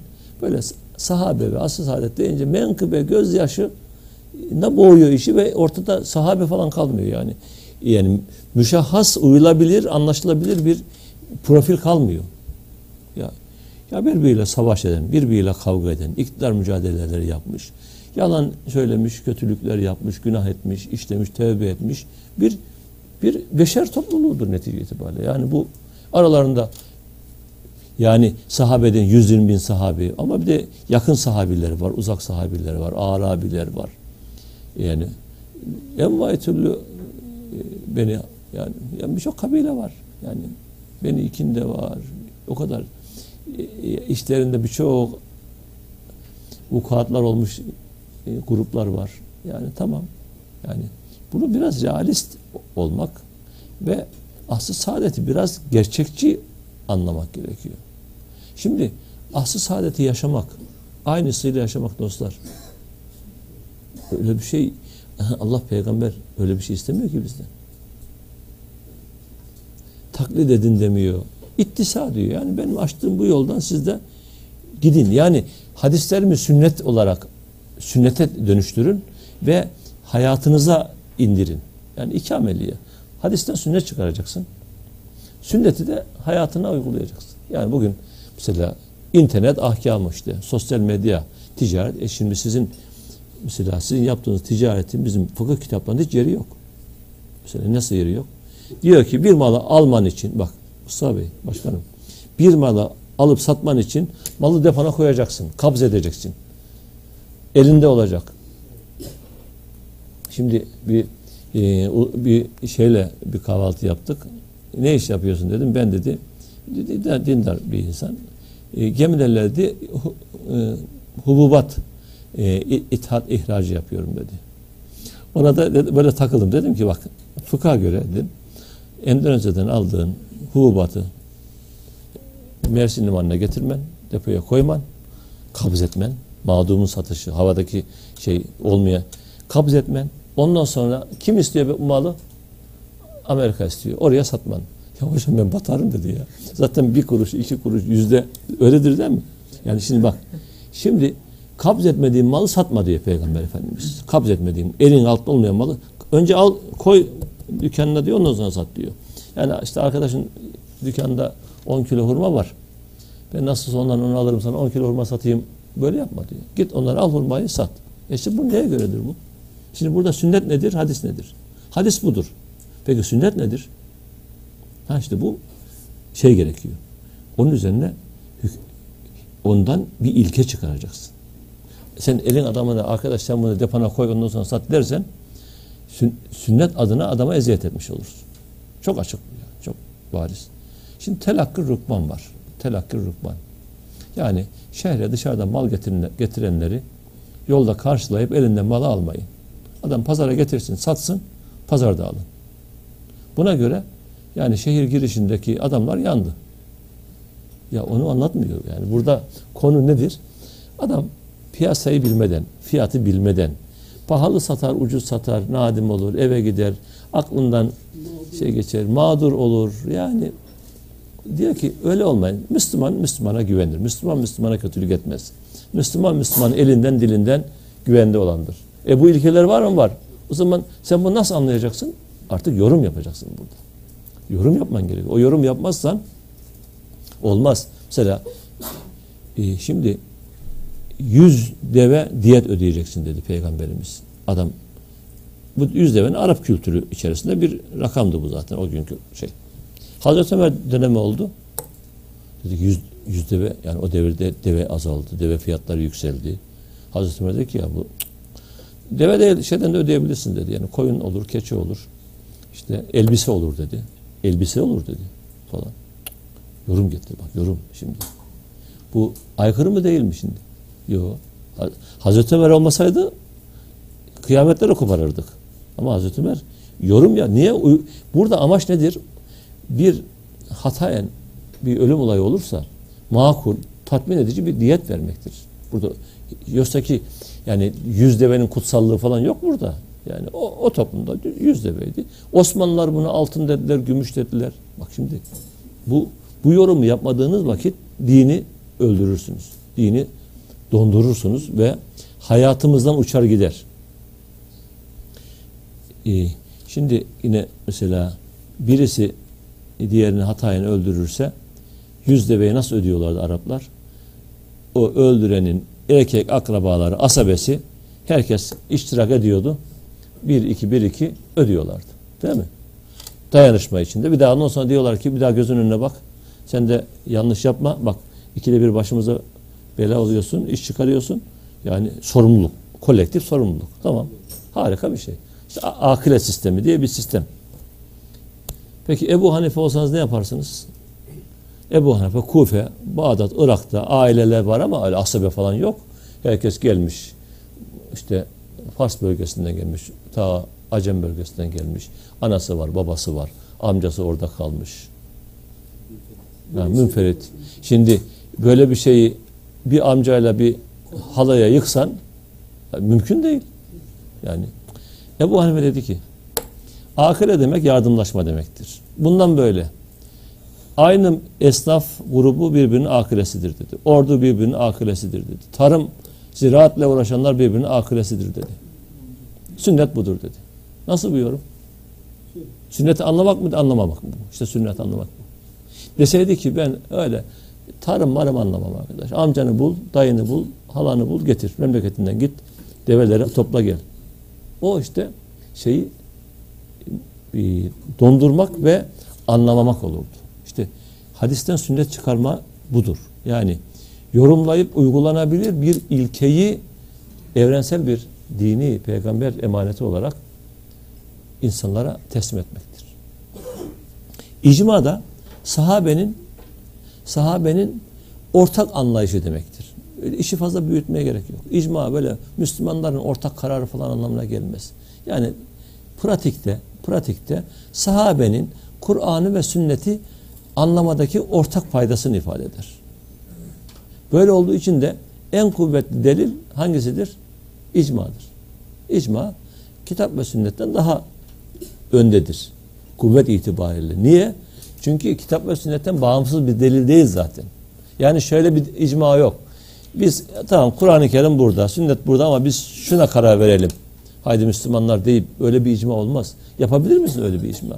Müslüman olarak kaldığınız sürece Kur'an böyle diyor, Aziz Peygamber böyle diyor ama biz şuna karar verelim diyebilir misiniz? Ve ittifak edebilir misiniz? Biriniz deriz, birimiz deriz. Bir aklı evvel çıkar söyler de. Bütün Müslümanlar ittifak edemez bunda. Bu kitapların icma dediği şey, hani dinin ana kaynaklarında icmada geçer ya, icma dediği şey kitap ve sünnettir. Kitap ve sünnetin üzerinde ittifak edilmiş ortak anlayışı. Bu da sahabe dönemine aittir. Yani böyle olunca e, yine dinin bilgi kaynakları olarak iki şey karşımıza çıkıyor. Kur'an'ın kitabı, hadislerinde sünnet. Asıl saadet üzerine birkaç cümle daha diyeyim. Yani burada şey yapalım. Herhalde yine sorular olur açarız. Yani asıl saadeti aynen yaşamamız gibi bir şey İstenmiyor bizden. Öyle bir şey, öyle bir talep de yok. Öyle bir şey gerçekçi de değil. Asıl saadetten ilkeler çıkarmak. Bir sene önce şey demiştim Mahmut Bey hatırlıyor musun? Asıl saadet tek bir model midir? Olabilecekler arasında bir örnek midir? Olabilecekler arasında bir örnektir. Bak. Bir uygulama örneğidir asıl saadet. Adalet dedi, adaletin uygulaması. Eşlerinize adaletli davran dedi, uygulaması. Ticarette ahlaklı davran dedi, uygulama. Müslüman elinden dilinden insanların güvende olduğu sen dedi, bunun uygulama örnekleridir. O köle vardı, köle üzerinden gösterildi. Cariye vardı, cariye üzerinden gösterildi. Değil mi? Şunun üzerinden, bunun üzerinden gösterildi. Tamam yani. Ticaret ahlakını hurma ticareti üzerinden göster, göstereceksiniz. Bunun başka yolu yoktu. Ve onun için de asıl saadet yorumu son derece önemlidir Müslümanlar için. Asıl saadeti yani hadis yorumu da sünnet biraz daha kolay ama asıl saadeti nasıl anlamalıyız sorusuna Müslümanlar sizin herkes sizin gibi düşünmüyor. Kafası karışık. Yani hala o günkü şartları yaşasak özlemi. Ya öyle bir özlem olmaz. O bir defa yaşanır. Sen ondan ve o zaman evrensel bir din olmaz mı? Kutuplar var, Afrikalısı var, Asyası var, Hindistan'ı var. Hepsi Müslüman bunların. Kendi şartları içinde Müslüman olacaklar. Yani o kadar yorum farklılıkları olacak. Kendi ben yani şöyle düşünecekler. Hazreti Peygamber bugün yaşasaydı bizden ne isterdi? Bu sorunun cevabı sünnettir. Bir şey değil mi bak? Biraz cüretli bir soru ve cevap ama e bu da tabii rastgele olmayacak. Bunu böyle el yordamıyla yazı kurayla olacak değil. Bu ilmi bir mesai, mesai gerektiriyor. Ama o ilmi mesai içerisinde Hazreti Peygamber bugün yaşasaydı bizden ne isterdi sorusunun cevabı sünnettir.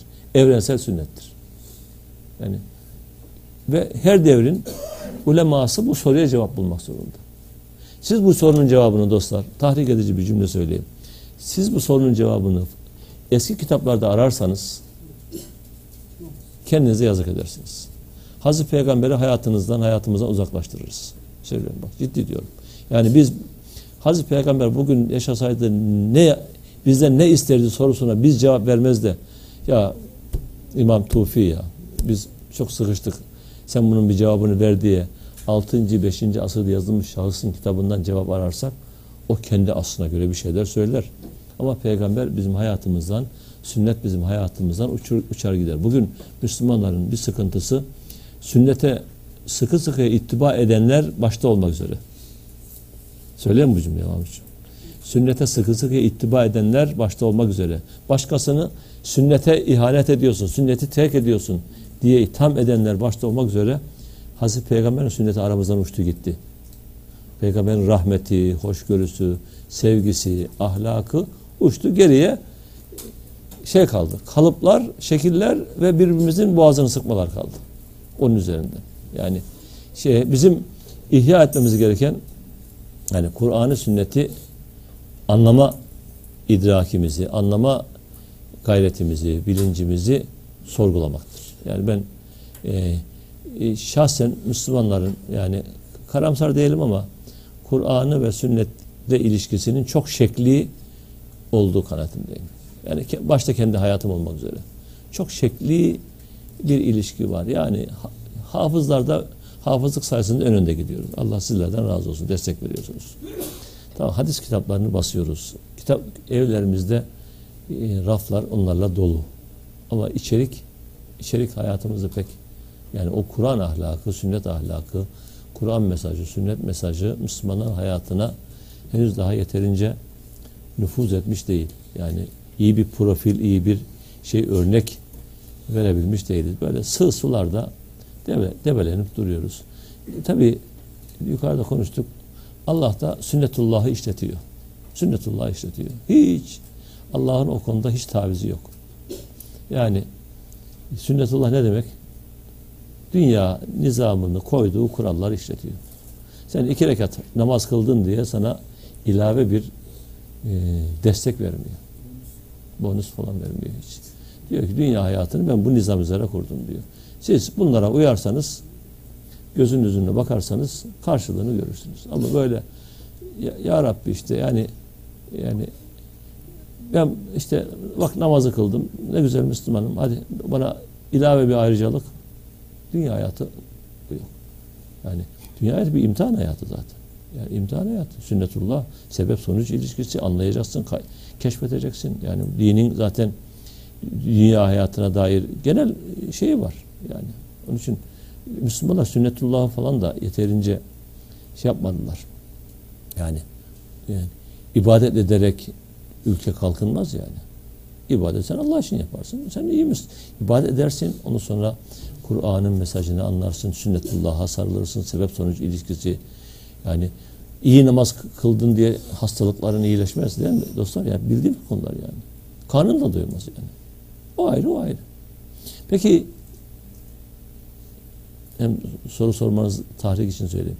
Yani sahabe çok ibadet ettiği için mi yedi düveli fethetti de İslam ilk yüzyılda Afrika'dan şeye kadar yayılıyor? Sünnetullah.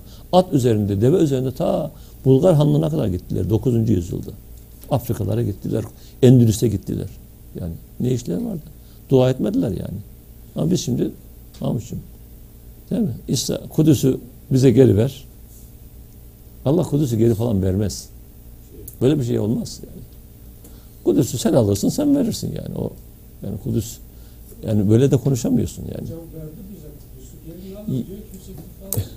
Yok ya yani şunu kastediyorum yani siz dediğiniz anlıyor. Yani sen resmi kaybettin kardeşim sen kaybettin. Sen kaybettin yine. Allah elinden falan almadı seni. Sen kaybettin. Sünnetullah da cari oldu. Sünnetullah cari oluyor. Yani sen o zaman biraz şeye bakacağız. Yani İslam dini dünya dini. Dünyevi din değil. Dünya dini. Dünyada var olmak, yaşanmak, hayatımıza yön vermek ve hayatımızı güzelleştirmek için var. Kardeşim bunun için biraz yani üretimine, üretmene, çalışmaya, sağlık, eğitim, çevre, hak, hukuk, insan hakları falan biraz bakacaksın bu işlere. Bu işlerde mesafe alamazsan, e, güvenli bir toplum oluşturamazsan sen yani öyle yani iki rekat namaz kıldın diye Allah bütün sistemini alt üst etmez, değiştirmez. Hani hadis neydi? Hani hatırlıyorsunuz. Bir kadın bir gün gelecek. Sana'dan şeye kadar, Şam'a kadar güven içinde gidebilecek tek başına. Ya şu bu hadisteki şeye bak, ufka bak, İslam dünyasına bak. Yani peki kim yapıyor? Biz yapıyoruz. Yani şimdi biz yapıyoruz. Tabi başkaları da mutlaka çumak sokuyordur ama yani bizim de bunda ilk sormamız gereken bizim bunda payımız ne? Yani bir Kur'an'ı yani Kur'an'a karşı hizmetimizi, görevimizi yapıyor muyuz? Hafızların yetişmesi yetmiyor ki. Hafızları yetiştiriyoruz. Yani dostlar Yemen'in üçte biri Kur'an öğretiyor, üçte ikisi Kur'an öğreniyor şu anda. Yemen'in. Tamam da yani sorun çözülmüş olmuyor ki. Ve Allah yani Kur'an okumak tamam ibadet, dinlemek ibadet. Dinlerken gözyaşı dökmek ne güzel. Ama anlamak gerekiyor. Anladığını hayata yansıtmak gerekiyor, yaşamak gerekiyor. Kur'an'a göre hayatı test etmemiz gerekiyor falan. Yani biraz iş büyük. Son cümlem şu olsun. Yani biz maturidi olduğunu zanneden eşarilerle e, eşarilerden ibaretiz biz. Yani yani hatta eşarimiz çoğu zaman cebri bir anlayışa doğru gidiyor ve insan iradesini, insan birey şeyini e, epey yok ettik ve hep ilahi irade içinde erittik. Halbuki iki cümlede doğrudur. İnsan istediğini dünyada yapar. Tam özgür iradesi vardır. Bu cümle doğrudur. Allah'ın dediğinden başka hiçbir şey olmaz. Bu da doğrudur. İkisi birbiriyle çelişmez. Biri kevni, külli açıdan öyledir. Hiçbir istisnası yoktur. Allah'ın dediğinde hiçbir şey olmaz. Ama sen de dediğini yaparsın. Allah da zaten öyle ferman etmiş. Yani senin yaptığını yoksa ki yani Ebu Cehil müşrik Ebu Bekir mümin olmak zorunda değildi. Ebu Bekir mümin olmayı tercih etti. Mümin oldu. Ebu Cehil de küfrü seçti. Müşrik oldu değil mi? Allah hiç kimseye zorlamadı. Yani yoksa ki külli iradeye çok fazla yük yüklersen bu sefer yani birçok şeyi karma karışık edilmiş oluruz. Yani i- içimize gelir. Ya Rabbi ben yapmadım, siz yaptın yani ne varsa yani hepsi sende. Ama bu, bu gerçekçi değil. Ne yapıyorsak biz yapıyoruz. Biz yapıyoruz, biz kaybediyoruz, biz kazanıyoruz. Sahabe yaptı, kazandı. Ondan sonrakiler yaptılar, kazandılar. Doğru yapana Allah yardımcı oldu. Yanlış yapana da ki yanlış yapıyorsun. Yanlış yapıyorsun. Ama iş yapmıyor yani böyle anahtar teslimi bir mutluluk, dünya mutluluğu vaat etmiyor. Din. Dindarlık. Yol gösteriyor. Zaten dinin adı da hidayettir ve inayettir biliyorsunuz. Başa dönerse olur. Bizim İslam ulemasına göre, İslam e, ulemasına göre din ilahi inayetten ibarettir. Gözetme, merhamet etme, yol gösterme ve ışık tutmadır. Işık tutmadır. Yürüyecek olan biziz. Allah o yolda yürümeyi hepimize nasip etsin. Hepinize tekrar saygılar sunarım. Evet. Teşekkür ediyoruz. Böylece sohbetimizin ilk bölümünü tamamlamış olduk. Ee, soru cevap faslına geçeceğiz. Ancak hocam müsaadenizle ben e, sohbetin başından itibaren ifade ettiğiniz hususları e, şöyle bir özetlemek istiyorum. Tamam sakat cümleleri çıkar. Tamam. Ee, tabii yine Yani yani bağlamından kopunca bazı cümleleri anlamak mümkün olmayabilir. Sizin sizin ifadenizle benim anladığım şekilde e, ifade edeyim hocam. Hocamız hakikatin tek sahibi olarak kendimizi görmememiz gerektiğini ifade etti. İslam budur iddiasıyla ortaya çıkmamalı. Bir rey ishar ettiğimizin idrakinde olmalıyız dedi. Dini bilgi Rabbimizin ve Peygamberimizin ortaya koyduğu bilgi, ulemanın bilgisi dini bilgiye dairdir dedi. Dolayısıyla bir dini bilgi ve dini bilgiye dair e, olmak üzere bilgiyi ikiye ayırdı. Din insanla başladı yani peygamberle başladı dedi. Allah insana iki din gönderdi. Fıtrat ve peygamber diye ifade etti. Din bize iki bilgi getirdi. Mebde ve maab e, dedi. Yine hocamız e, ilk hitaptan bahsetti. Allah'ın Cibril ve Hazreti Peygamber aracılığıyla iradesinin inzalidir dedi ilk hitap. Daha sonra hocamız e, konumuz olan İslam'ın ana kaynaklarını ortaya koydu. Ve dinin getirdiklerini üçe ayırdı. İnanç, akaid, ibadet, ahlakilik, muamelat olarak ifade etti. Ee, Kur'an ve peygamber e, arasında e, bir iş bölümü yani e, temsili olarak bir iş bölümünden bahsetti. Kur'an'ın akaide dair e, hükümleri ortaya koyduğunu, Peygamber Efendimizin de ibadetle e, ilgili e, hükümleri Yani ifade daha ettiğini, belirleyici o konularda. Daha belirleyici, baskın olduğunu ifade etti. E, İslam'ın ana kaynakları anlamında da e, kitap, sünnet ve icmayı ortaya koydu. Kur'an değil, kitap, hadis değil, sünnet ayrımını özellikle e, çarpıcı bir şekilde ifade etti. Kur'an'ın bütüncül bir anlayışla yani tarihi e, dönemi, zemini e, itibariyle bütüncül bir anlayışla okunmasından çıkaracağımız sonucun kitap olduğunu Tarihi, ifade etti. e, hem tarihi hem amacı yani birçok şey. birçok şeyi birlikte yani bir bütüncül e, okumayla e, ortaya konulmasından e, kitap hadisin de aynı şekilde bütüncül bir şekilde okunmasından ortaya çıkan sonucunda sünnet olduğunu ifade etti.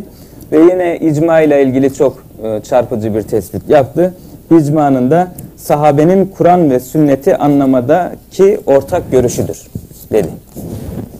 Hocam teşekkür ediyoruz. Ee, Şimdi soru cevap faslında ilk olarak e, internetten gelen e, sorularımızı hocamıza e, yöneltmiş olacağız. Son günlerin güncel e, bir konusu. E, iki soru da birbiriyle e, bağlantılı. E, hocam müsaade Şimdi soru şu, evet. Buyurun hocam. E, son gün zamanlarda gündemde olan akil, akil ve bali olmak evlenmede şart mıdır? E, küçük çocuklar evlenebilir mi? Zaten bunun cevabını siz de biliyorsunuz. Şimdi din nedir, fıkıh nedir? Değerli dostlar, fıkıh fıkıh Müslüman toplumların kültürüdür. Bak. Fıkıh din değil. Fıkıh üzerine de senede fıkıh üzerine konuşalım. İnşallah hocam. Tamam. Seneye fıkıh üzerine konuşalım. Şimdi Şimdi fıkıh- randevu almış olduk Tamam. hocamız. memnun etti. Yani zaten bir mavera bir de hanımlardan da Hazar'a gidiyorum. Yani onlar da çok yani e, şimdi fıkıh din değil.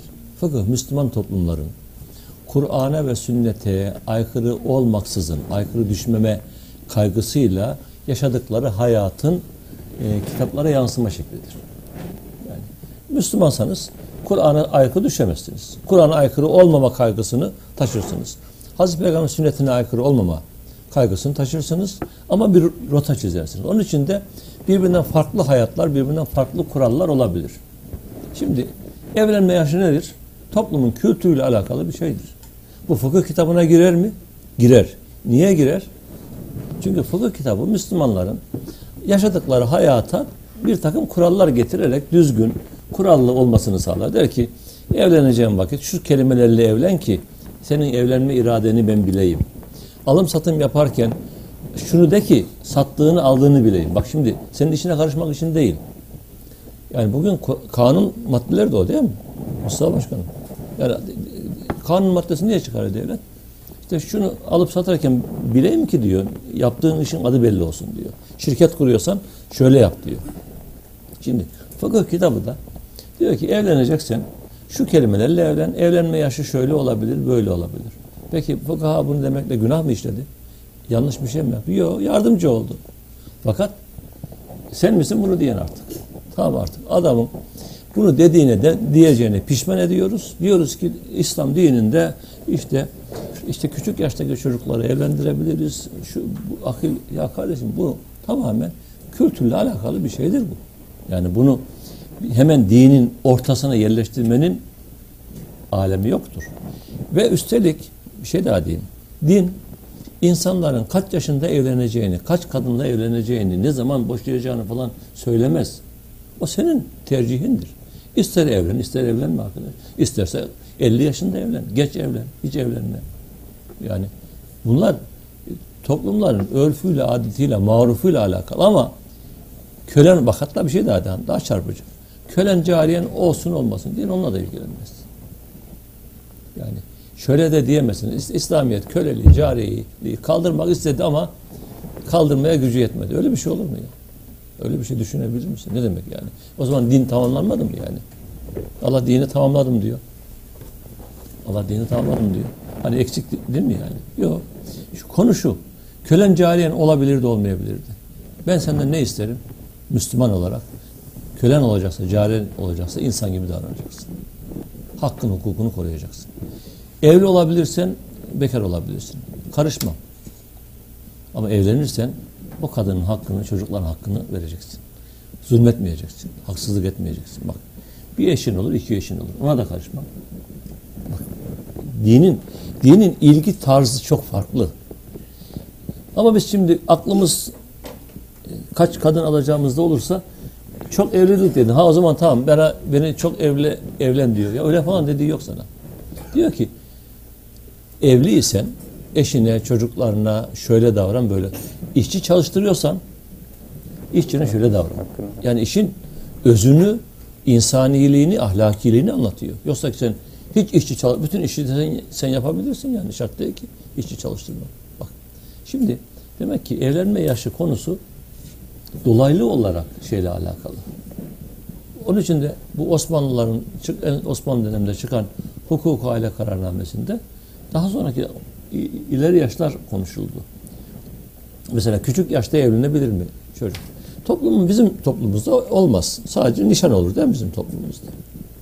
Ama Arap toplumunda şeyde böyle e- evlilikler sadece e, karı ve kocayı ilgilendiren bir konu değil değerli dostlar. Yani kabileler arası ilişkilerde evlilik aynı zamanda iki kabile arası akrabalık kuruyor. Mesela Osmanlı hanedanının evliliklerini düşünün. Kırım hanından kız alıyor, e, Balkanlardan alıyor, şuradan alıyor, buradan alıyor. Belli döneme kadar Türk beyliklerinden aldılar. Böylece birçok şeyi de halletmiş oluyorlar. Değil mi? Yani Akrabalık. do- akrabalık, dostluklar kuruluyor. Ama böyle olunca da evlilik bir bakıma bir hısımlık tesisidir. Onun için de nişan anlamında evlenmelere izin verilmiş. O kültürde olmuş. Nişan anlamında. Fiili evlilik değil. Daha sonra da akil bali. Yetişkin olunca da düğün dernek olmuş. Zifaf olmuş. Yani böyle olunca tabii bu da sorun ne? Sorun şey yani bizim e, yani Diyanet'in dediği şey yanlış değil. Dini bakımdan akil bali olanlar evlenebilirler. Tamam. Kitap. Ama burada tabii olayı dini demesi sıkıntılı. Ne de, ne denebilir buna? Fıkıh, klasik fıkıh teorisine göre, klasik fıkıh kitaplarına göre akil, bali olmuş insanlar evlenebilir. Peki burada yanlış olan ne? Ha, evlenmenin bir de hukuki yönü var, kanuni yönü var. Değil mi? Şimdi onunla çeliştiği için sorun oluyor burada. Onunla çelişiyor. Bak yani milli piyango gibi değil. Mesela milli piyango bileti almak mesela yani işte başkanı doğru söyledi. Dedi ki dinen haramdır ama kanunen serbesttir dedi. Ben kanunen serbest kısmına karışmam dedi. Ama dinen haram olduğunu demek zorundayım. Doğru mu? Doğru. Yani başka bir şey denebilir mi? Almayın, alana, alanla mücadele edin. Gördüğünüz yerde yakın yakın böyle bir şey dene- denemez. Kanun serbest bırakmış. Kanunen serbest. Bir şey zaten din derinlikleri ayrıysa bir şey kanunen serbest, dinen yasak olabilir mi? Olabilir. Ha. O zaman buna şu denmesi lazım. Evlenme yaşı konusunda mevzuatın, kanunların gösterdiği sınırlara uymak gerekir. O toplumun artık ortak kültürü olmuştur. Ortak kültür olmuştur. Dinen yani yani iki aylık bebeğe de evlendirebilirsin. Hangi dinen? Fıkıh din olarak düşünürsen. Ama karşım yani din fıkıhtan ibaret değil ki dinde hiç ulul emir yok mu? Dinde ortak toplumun ortak marufuna uymak yok mu? O da var. Yani ya, Kur'an-ı Kerim'de birçok yerde maruf marufa uyu var. Emri bir maruf var. Yani şimdi maruf ne demek? Toplumun ortak sağduyusunun gerekli Genel kabul yani. genel kabulü demek. E, e, ne oldu o zaman? Hani toplumun ortak kabulü. Demişiz ki evlenme yaşı şundan aşağı olmasın demişiz değil mi? Bak bunun şeyle alakası yok. Bu Batı kanunu, Doğu kanunuyla alakası yok. Bunun her yerde böyledir yani. Şimdi herhangi birinizin ilkokul çağındaki kızına dünür gelsek ne yaparsınız? Kovarsınız. Gayet normal. Yani demediğimizi bırakmayız değil mi? Yani bu bu bir ihtiyacın sonucudur. Bu evlenmenin belli bir mantığı vardır, belli bir şey var, belli bir yaşı vardır. Gayet burada şeyi ayırmak lazım işte. Bak. Mahmut, Mahmut Bey değerli dostum. Kanuni işin hukuki kanuni kısmı ile ahlaki kısmını birbirinden ayırmak lazım. E, fıkıh kültürüyle günümüz marufunu birbirinden ayırmak lazım. O gün öyle maruftu, bugün böyle maruf. Yani söz uzattım ama iyi. Böyle olunca da deseniz ki ak- akil ve bali olmuş bir insan evlen, evlense dinen geçerli mi? Dedim ki hem geçerli hem geçersiz. Bak geçerli çünkü bu din zaten yaş sınırı falan diye konusu değil. Geçersiz e sen şey yapıyorsun. Yani kanunda marufta yok. Yani sen şimdi hiçbir güvencesi yok. Hakkı yok, hukuku yok. Yani e, insanlar onu tanımıyor, etmiyor.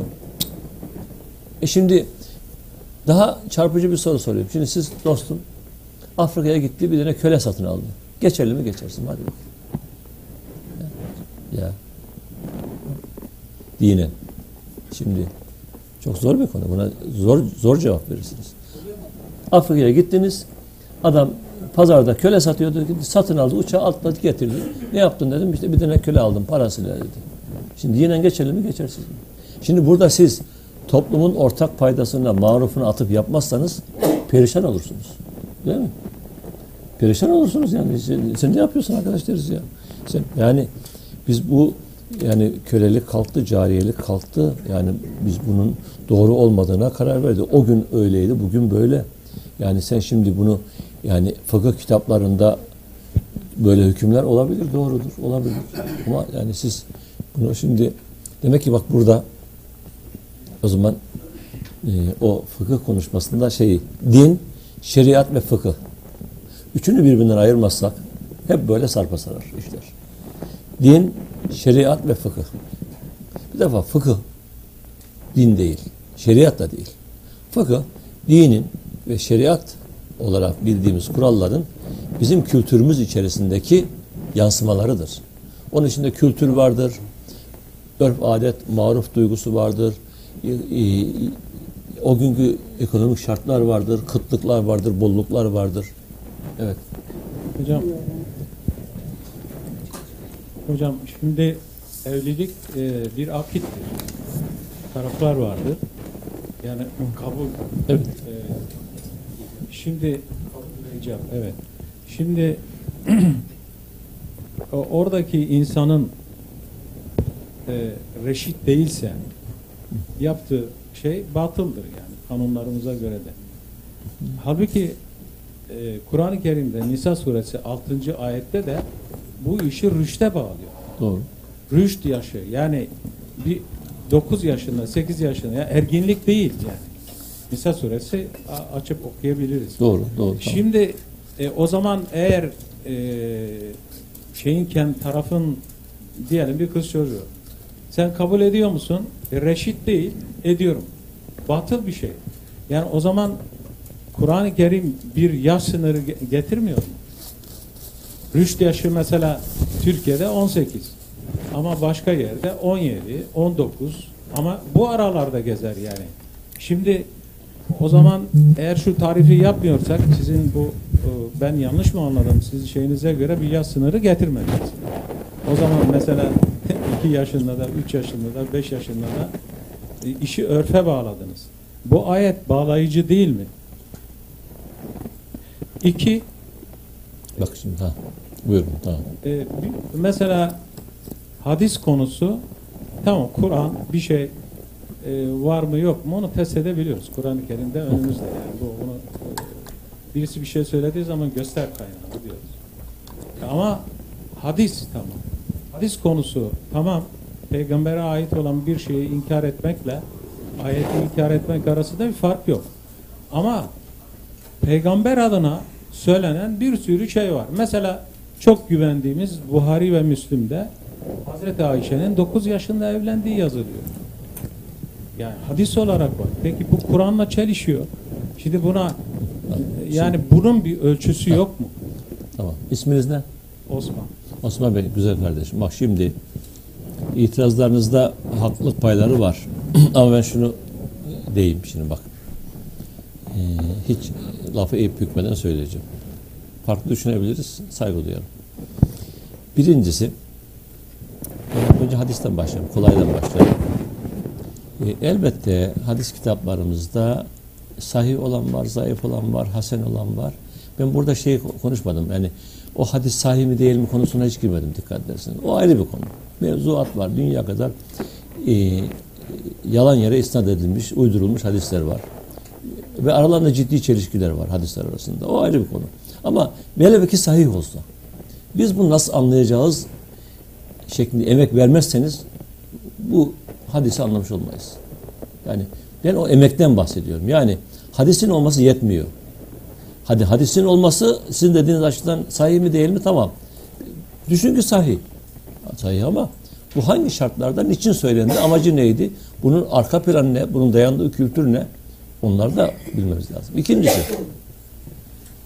bu rüş konusunda ben şahsen öyle düşünmüyorum. Rüş konusunda. Şimdi Şafii var mı içimizde Şafiler? Şafiler? Bak şimdi. İmam Şafii'ye göre sizin dediğiniz Hanefi mantığa daha uygun. Ama ha, İmam Şafii'ye göre velinin onayı kızın onayıdır. Hatta daha ters bir şey söyleyeyim. Kız üniversite bitirmiş, vali olmuş, vali, kaymakam olmuş, genel müdür olmuş bir kızımız var. Ee, evlenecek, nikah masasına oturdu. Diğer tarafta da damat var. Kıza sorduk, evlendim mi? Evlendim dedi. Ee, oğlana dedik, evlendim dedi. Kabul ettim dedik. Bu nikah geçerli mi? İmam Şafii'ye göre geçersiz. Niye? Niye geçersiz? Kızın evlenme beyanı yok hükmündedir. Babası beyanda bulunacak. Ya şimdi ya Osman, şimdi bak kültür dedim ya. Ya öyle deme şimdi. Sen nereden bakıyorsun olaya? 14 asıl sonra buradan bakıyorsun. İstanbul'dan bakıyorsun. Üsküdar'dan bakıyorsun. Sen şimdi Çamlıca'dan bakıyorsun kardeşim sen şimdi. Ben seni ışınlasam gitsen bir e, Tuareg kabilesinde kabile ailesi büyüğü olsan hiç böyle düşünmezsin. Peki bak, İslam'ın evrenselliği burada ortaya çıkıyor. Ona da karışmıyor, sana da karışmıyor. Bak. Ona da arkadaş sen babasın babasın ama senin yetkini de hiç saymıyorum. Ne velisi? Veli falan olmaz falan da demiyor. Veliye de veli olarak değer veriyor. Kıza da kız olarak değer veriyor. Diyor ki bunu ben şöyle anlıyorum. Bunu siz kendi kültürünüz içerisinde çözün bunu diyor. İmam Şafii böyle çözmüş. Demiş ki velisi yok, velisinin şeyi yoksa ben saymam demiş. İradesi. Velinin iradesi kızın iradesi yerine geçer demiş. Tamam. Peki böyle bir nikah dinen geçerli mi? Ya bana göre bak bana göre bu doğrudan din konusu değil. Dikkat edin ben onu dedim size. Bu doğrudan din konusu değil. Bu bir toplumların evlilik kültürüyle alakalı bir meselesidir. Tıpkı deminki ma- kabz edilmiş mal örneğini verdiğim gibi. Kabz edilmiş mal örneği. O gün kabz edilmesi gerekiyordu çünkü e, e, teslim edemeyebilirdi. O günkü ticaret kuralları öyleydi. Dar, kapalı tarım ekonomisi onu gerektiriyordu. E bugün uluslararası ticaret yapıyorsan, yapıyorsanız daha malı görmeden ev safına göre daha ona göre bağlantılar yapıyorsunuz. Böyle olunca da yani tamam biz rüştü şart koşabiliriz. Ama şunu diyemeyiz yani rüşt yoksa evlilik dinen geçersizdir falan da diyemeyiz. Çünkü yani e, daha bir yaşında, iki yaşındayken yapılan evlilik akitleri var. Ve bu evlilik akti fıkıhta geçerli sayılmış. Zifaf anlamında demiyorum bak. Sadece bizimki şey gibi, nişan gibi. Yani birbirlerine söz veriyorlar. Akit bağlayıcılık sağlıyor. Artık bir daha e, şey olmuyor. Yani e, akit kurul beşik kertmesinin kuvvetlisi bu. Yani beşik kertmesi bizde bir nişan gibidir değil mi? Biraz daha kuvvetli. Bu e, toplumun kültürüyle alakalı. Şimdi burada sorun ne? Ben bu kültürü size din diye anlatırsam, İslam bunu böyle istiyor diye anlatırsam o zaman yanlış yapmış olurum. Bunu kültüre havale etmek ve fıkhın o kültürel değişimi içinde ki farklılığını görmemiz gerekiyor. Ee, mesela onun için de mesela faiz meselesinden çıkamıyoruz işinden.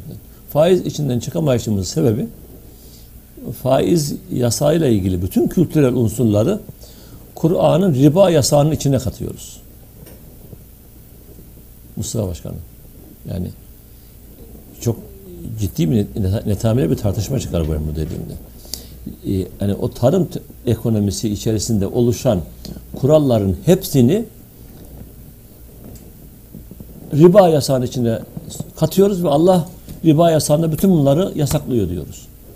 Yani, yani Allah Kur'an'ı 5. yüzyıl, 3. yüzyıl o tarım toplumunun kapalı ilişkilerine göre göndermedi ki evrensel kitap gönderdi. O öyle kural koyacak, sen başka kural koyacaksın, işleteceksin. İbn Arabi var. Hangi İbn Arabi bu? Ebu Bekir İbn Arabi. E, Maliki fakihi. Diyor ki muamelat ahkamı diyor dörde dayanır diyor.